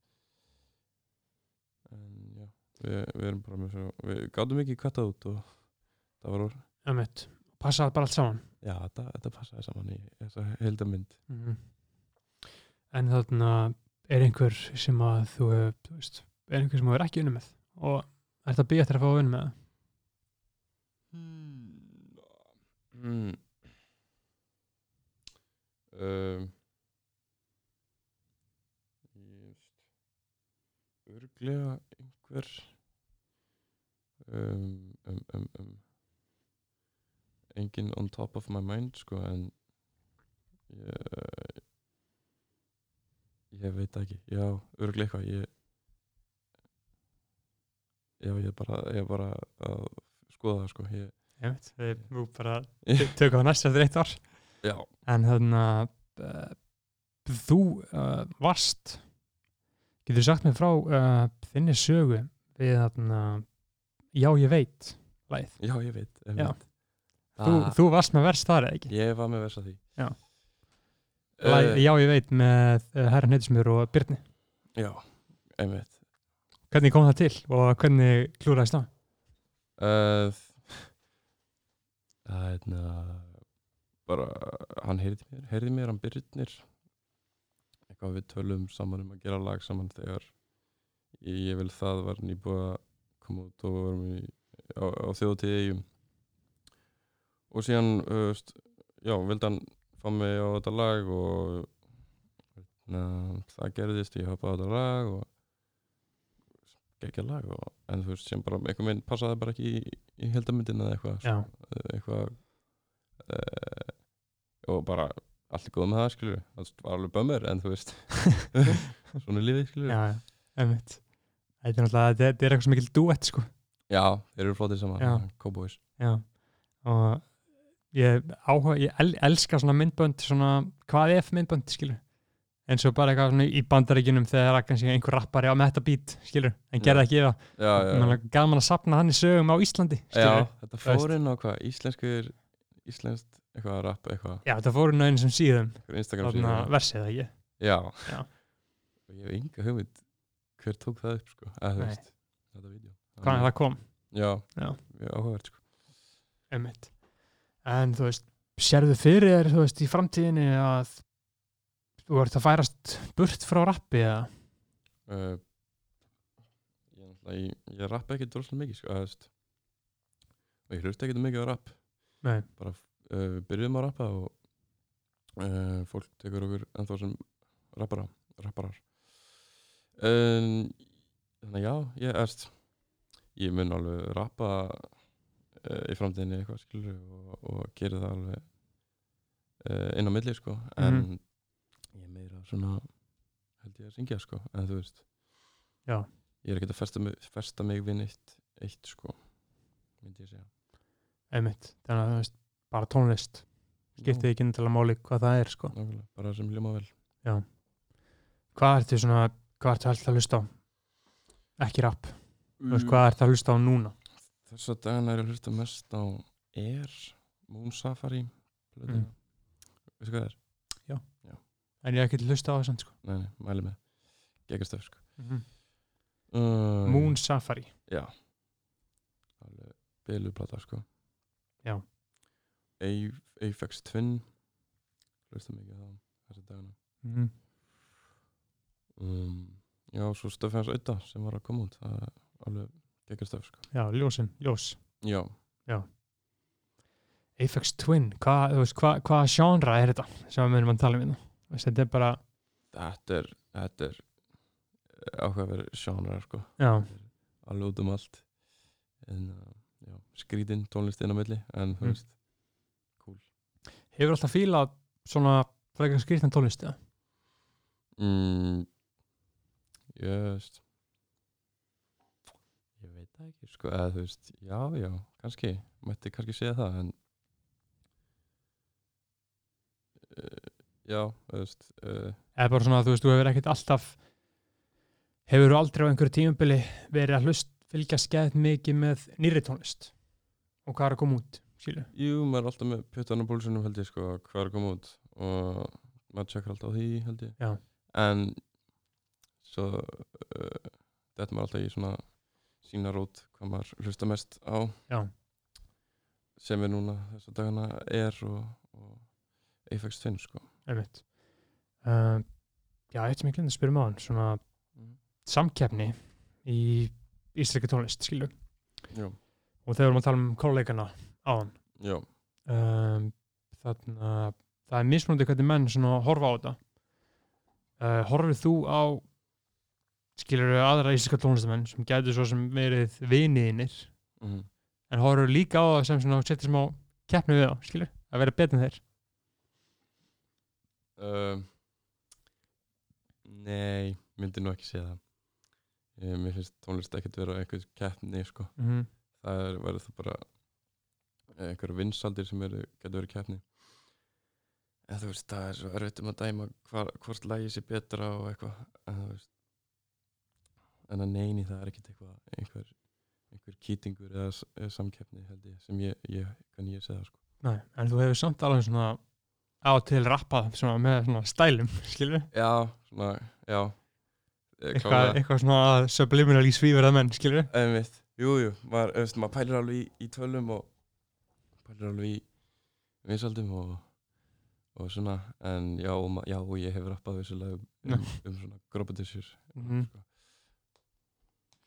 En þú veist, al- almennt séð þá bara horfir á þetta sem bara eitthvað svona þú bara búið til einhver list og Já, myndi segja sko, bara að gera tónlist fyrir sjálf mig því mér finnst það uh, bara það gaman að það Mhm. kemur ekki til veg fyrir það hvorki einhver samkeppni sem lætur mig gera eitthvað öðruvísi eða, eða einhverjar tölur eða eitthvað. Einmitt. Einmitt, já, þá er þessi plata að koma út núna á föstudaginn. Já, heldur betur það verður stemming Hva, hvernig, hvað ætlar að fagna hvað ætlar að gera Það er spurning, hvað getum við gert núna þessum tímum? Uh, við förum örglega eitthvað bara út að borða eitthvað, ég og Kitty og Axel bara í Já. fámennum en, en góðmennum hóp í, í hæfilegri fjarlægð. eða ekki bara, tveir metrar eins og við erum í hér Já, en þannig sérðu fyrir þér að þið reynir fyrir ykkur í útlandum? Mm, uh, á ennsku þá? Uh, eða bara á íslensku, það er alltaf að vera að spila í Berlín og New York Já, og, já við uh, erum bókaðir aftur á G-festival ef það verður í ár mm til dæmis, aðeins maður í færi epic, það er eitthvað svo fokkin mikið að fara sko. geggið þátt í sko, veldig einilega með. Já, það var ótrúlega gaman í fyrra. Áttum alveg mjög skemmtilega gig. Mm. mjög krútlegu staður þannig, Já, ekki? Já, er þetta ekki bara eins og að vera í hafna fyrir það eitthvað jú, basically En já. Jú, það væri ótrúlega gaman að, að ná eitthvað erlendis sko. Mm. en, já, það er náttúrulega svo ótrúlega mikil sko skuldbinding. Þú veist, myndið þú vera tilbúin í að skuldbinda þig í að fara bara all in í að reyna meika skilju, Já, um mitt hefur þú hugsað í það? Nei, nefnilega ekki. Kannski er maður ekki tilbúin Nei, En þú veist, ég held að það bara gerist það gerist sko. Veist. Við erum alveg spilaðar eitthvað erlendis en það var ekkert eitthvað planað það bara, það bara gerist Einmitt. og við erum búin að vera bókaðir Já, ég erum búin að spila í Berlín og Danmarku og, og Portugal það var endar bara vegum útskjötaferðar og en, Já. þú veist, Næs. ótrúlega gaman sko Fritt frí. Já, Já. Já. Lýri í sóliðin, fritt frí við rúlum minn. Já, ákvæmlega Það er luxus. En þarna, eitt sem að við höfum svona voða lítið talað um, uh, sem er samt svo risastór uh, hluti af þínu lífi og þínu ferli. Það er uh, hann Kristinn Óli, Króli. Já. Hvernig, þú veist, eru þið alltaf bara bestu viðin heimum? í, st, í, uh, við erum já, já, við mættum alveg segja það við erum alltaf frekar góðir saman sko. Já. og aldrei verið neitt um aldrei rífist neitt eitthvað hróttalega mikið sko. Ekki nema bara eitthvað rökrætt í, í smá stund sko. En Mhm. já, ég elska að geta og, og við erum bara fínustu mótar sko. Einmitt, og en þú veist, hvenar um, hvers vegna og hvenar tókuðu svona ákvörðuna að verða bara alvöru dúo var það á einhverjum tímapunkti sem þið ákvöðu bara heyrðu við bara stikkum saman? Um, ég held að það bara ekslaðist því að þegar við uh, vorum að fara að gefa út ananas Mm. þá veitna, ákveða við að vera með sikk voran artist uh, já sem sagt Jópi X. Króli ekki Jópi og Króli Einmitt, þannig að það væru mismunandi artistar en alltaf saman Spotify. Já, Já. Góð ákvörðun, já, ég held mjög góð það, sko. Það hefur verið svo flókið eða eitthvað Nefnilega. breyta því já. einmitt. og bara upp að það veist, ég get fara að gera mitt stöf og hann getur fara að gera sitt stöf með öðrum og Já. já, já, heldur ákvörðun sko, hann að snemma í ferlinu Einmitt. og hvernig heldur veist, það er alltaf erfitt að segja til um það mm. en heldur að þú gerir einhvern veginn eitthvað upp á þetta einstæmi Solo? Já. Já, ég, ég held það sko og hefur lengi verið að pæla í því. Mhm. og já, það bara, það kemur úr lengi tíma sko. Já, það bara kemur það kemur. Já, ég held það sko. Einmitt. Já maður, og hvað er svo þú veist, hvað er svo planið í haust? Og Heyrðu, student þú veist, það er bara að halda áfram að gera músík og Já, ég er eitthvað að gæla við allavega í, í annarkvort um, uh, uh, myndlistabröðin eða hérna, lengi búin að pæla í því sko eða nýmiðlun. Já, á tón, tónsmíðar tónsmíðarbröð hvað er nýmiðlun? Þetta er bara tónsmíðar nema bara í eða bara í tölvu, basically það sem ég gerir Mm, ok, og mér er það alveg, alveg hrifandi sko. Þannig að þú ert bara veist, í mjög einföldum máli bara að gera beats. Já, og Já. já, bara læra eitthvað einhverja tekni og held ég. Og Já. Allavega félagi minn, hann talar allavega vel um þetta nám og, og ég svona uh, já, þá kviknaði áhugin um daginn bara. Einmitt. og það er alveg umsóknarfrestu bara þú veist, fjórða, mæ Mhm. þannig að ég þarf að fara þarf að fara að pæla bara þessu. spáði því. Um, af hverju langaði þú veist, í formulega mentin uh, hvað, hvað, hvað sérðu við það sem að svona, finnst þér að vanta eitthvað? Já, erst, ég held ég geti lært svo miklu meira. Ég held að það sé bara málið og eitthvað sem margt sem ég kann ekki bara og veit ekki. Og líka bara gaman. Þú veist, skemmtilegur. Ég er svona fekk svona daginn hvað ég væri alveg til í að vera í skóla sko, að hitta samhópa krökkum uh, á hvernig degi. Og ég svona saknaði þess má kannski. Og sé kannski partur á þessu að þetta sé bara mjög skemmtilegu tími. Einmitt. en finnst þér þú hafa eins og í myndlistabrautinni í FG við erum eins og að er, þú veist lært mjög mikið af því að uh, Já, erst það er svona að þú hefur svona kannski unlockað eitthvað sem þú vissir ekki endilega að væra hana Já, nefnilega, ég hafði aldrei einhvern áhuga á, að mála áður en ég fór á myndlistabraut sko. Mm.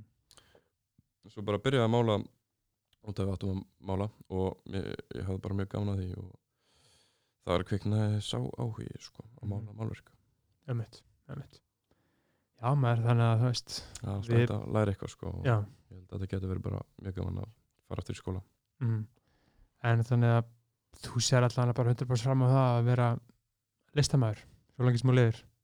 Já, já, já, ég held að. Hefur eitthvað gaman að einhverju öðru? Eða svona fyrir utan handbólta þú veist. Um, uh, Já, já, já, veist ég ára fótbolta ég, ég na, já, maður er bara eitthvað gera þetta klassíska, chilla og FIFA og mm. horfa á- Netflix og hvað gerur svona þú veist búin að eiga góðan dag produktífur Mm. skilur og vilt bara fá bara dopamin í hausinn skilur vilt bara fá þess að tilfinningu skilur það sem var bara alveg að slappa og gera eitthvað sem er bara fucking snild skilur já, bara eitthvað heilurist já hvað hva er það? Uh, bara virki, vilt virkilega verðlauna þig eftir bara langan dag bara bóla eitthvað Pringles Já, bara Brooklyn Nine-Nine og eða dagvaktin, ég er búin að taka vaktina núna Já. bara geta endalust horta það sko. Já. það er alveg æðislegt Mhm. æðislegt sjónvarsefni já, bara eitthvað mönns og, og, og gott sjónvarsefni sko. já, fá bara þess að gleyma þér já, já, Já, maður, heyrðu, þarna er eitthvað sem að við erum ekki búin að fara þú veist. Það er spurning. Ég held að við séum svona búin að fara nokkuð vel, Ok, þú góður það? kafa nokkuð vel onni, sko, já maður, en þú, Ég er mjög góður. Já. er þetta ekki bara búin að vera stemming hjá okkur, eða? Heldur betur. Já. Þannig að ég held að þetta sé bara svona allt á frekar góða róli, sko. Já. Um, síðan var ég að spá ég endur þetta kannski á einu óskalagi frá þér. Ok, ok. Hvað viltu? Heyra. Um, ég til í... Hvað, veist, hvað viltu sína? Skilur? Hvað finnst þér eins og skilur bara gaurar, eða það, meir hlutin af hlustandunum eru kallkins, þannig ég segi gaurar en það er einhverja stelpur, vonandi líka sammála. að lista. Uh, hvað viltu að svona ungd fólk sem að er, hefur áhuga á rappi, hefur áhuga á tónlist, skilur, Já, hvað viltu það heyri? sko, um, ég ætla bara... Það er alveg ekki endilega að vera rapp, sko. Nei, nei. Það sem ég er búin að hlusta mest á er hérna Moon Safari. Bara lægið... Uh, eftir lagi, La Femme di Argent. La Femme di Argent. Ég veit Já, ekki hvernig þetta er borðið fram, en það lag. Moon Safari. Gægjulag. Já, maður, við erum að fara að detta í, sko, uh, þetta er sjö mínútur lag. Sjöfunlag. Já. Njótið, njótið. Já, maður, þið verður bara að njóta þess, kæri hlustendur. Uh, takk fyrir að hlusta. Þú þið, ekki- að hlusta all lagi, bara með slökkaði viljið. uh, ef þið eru búin að hlusta allan hana tíma núna í tvo klukkutíma pluss, þá getið alveg eins klára þessar sjö mínútur. Rindar. Uh, Jói P, það var bara geggja að fá þig. Uh, takk að mig. kærlega fyrir að koma. Að guð bless sig og farið vel með ykkur og kæri hlustendur, farið þið líka vel með ykkur.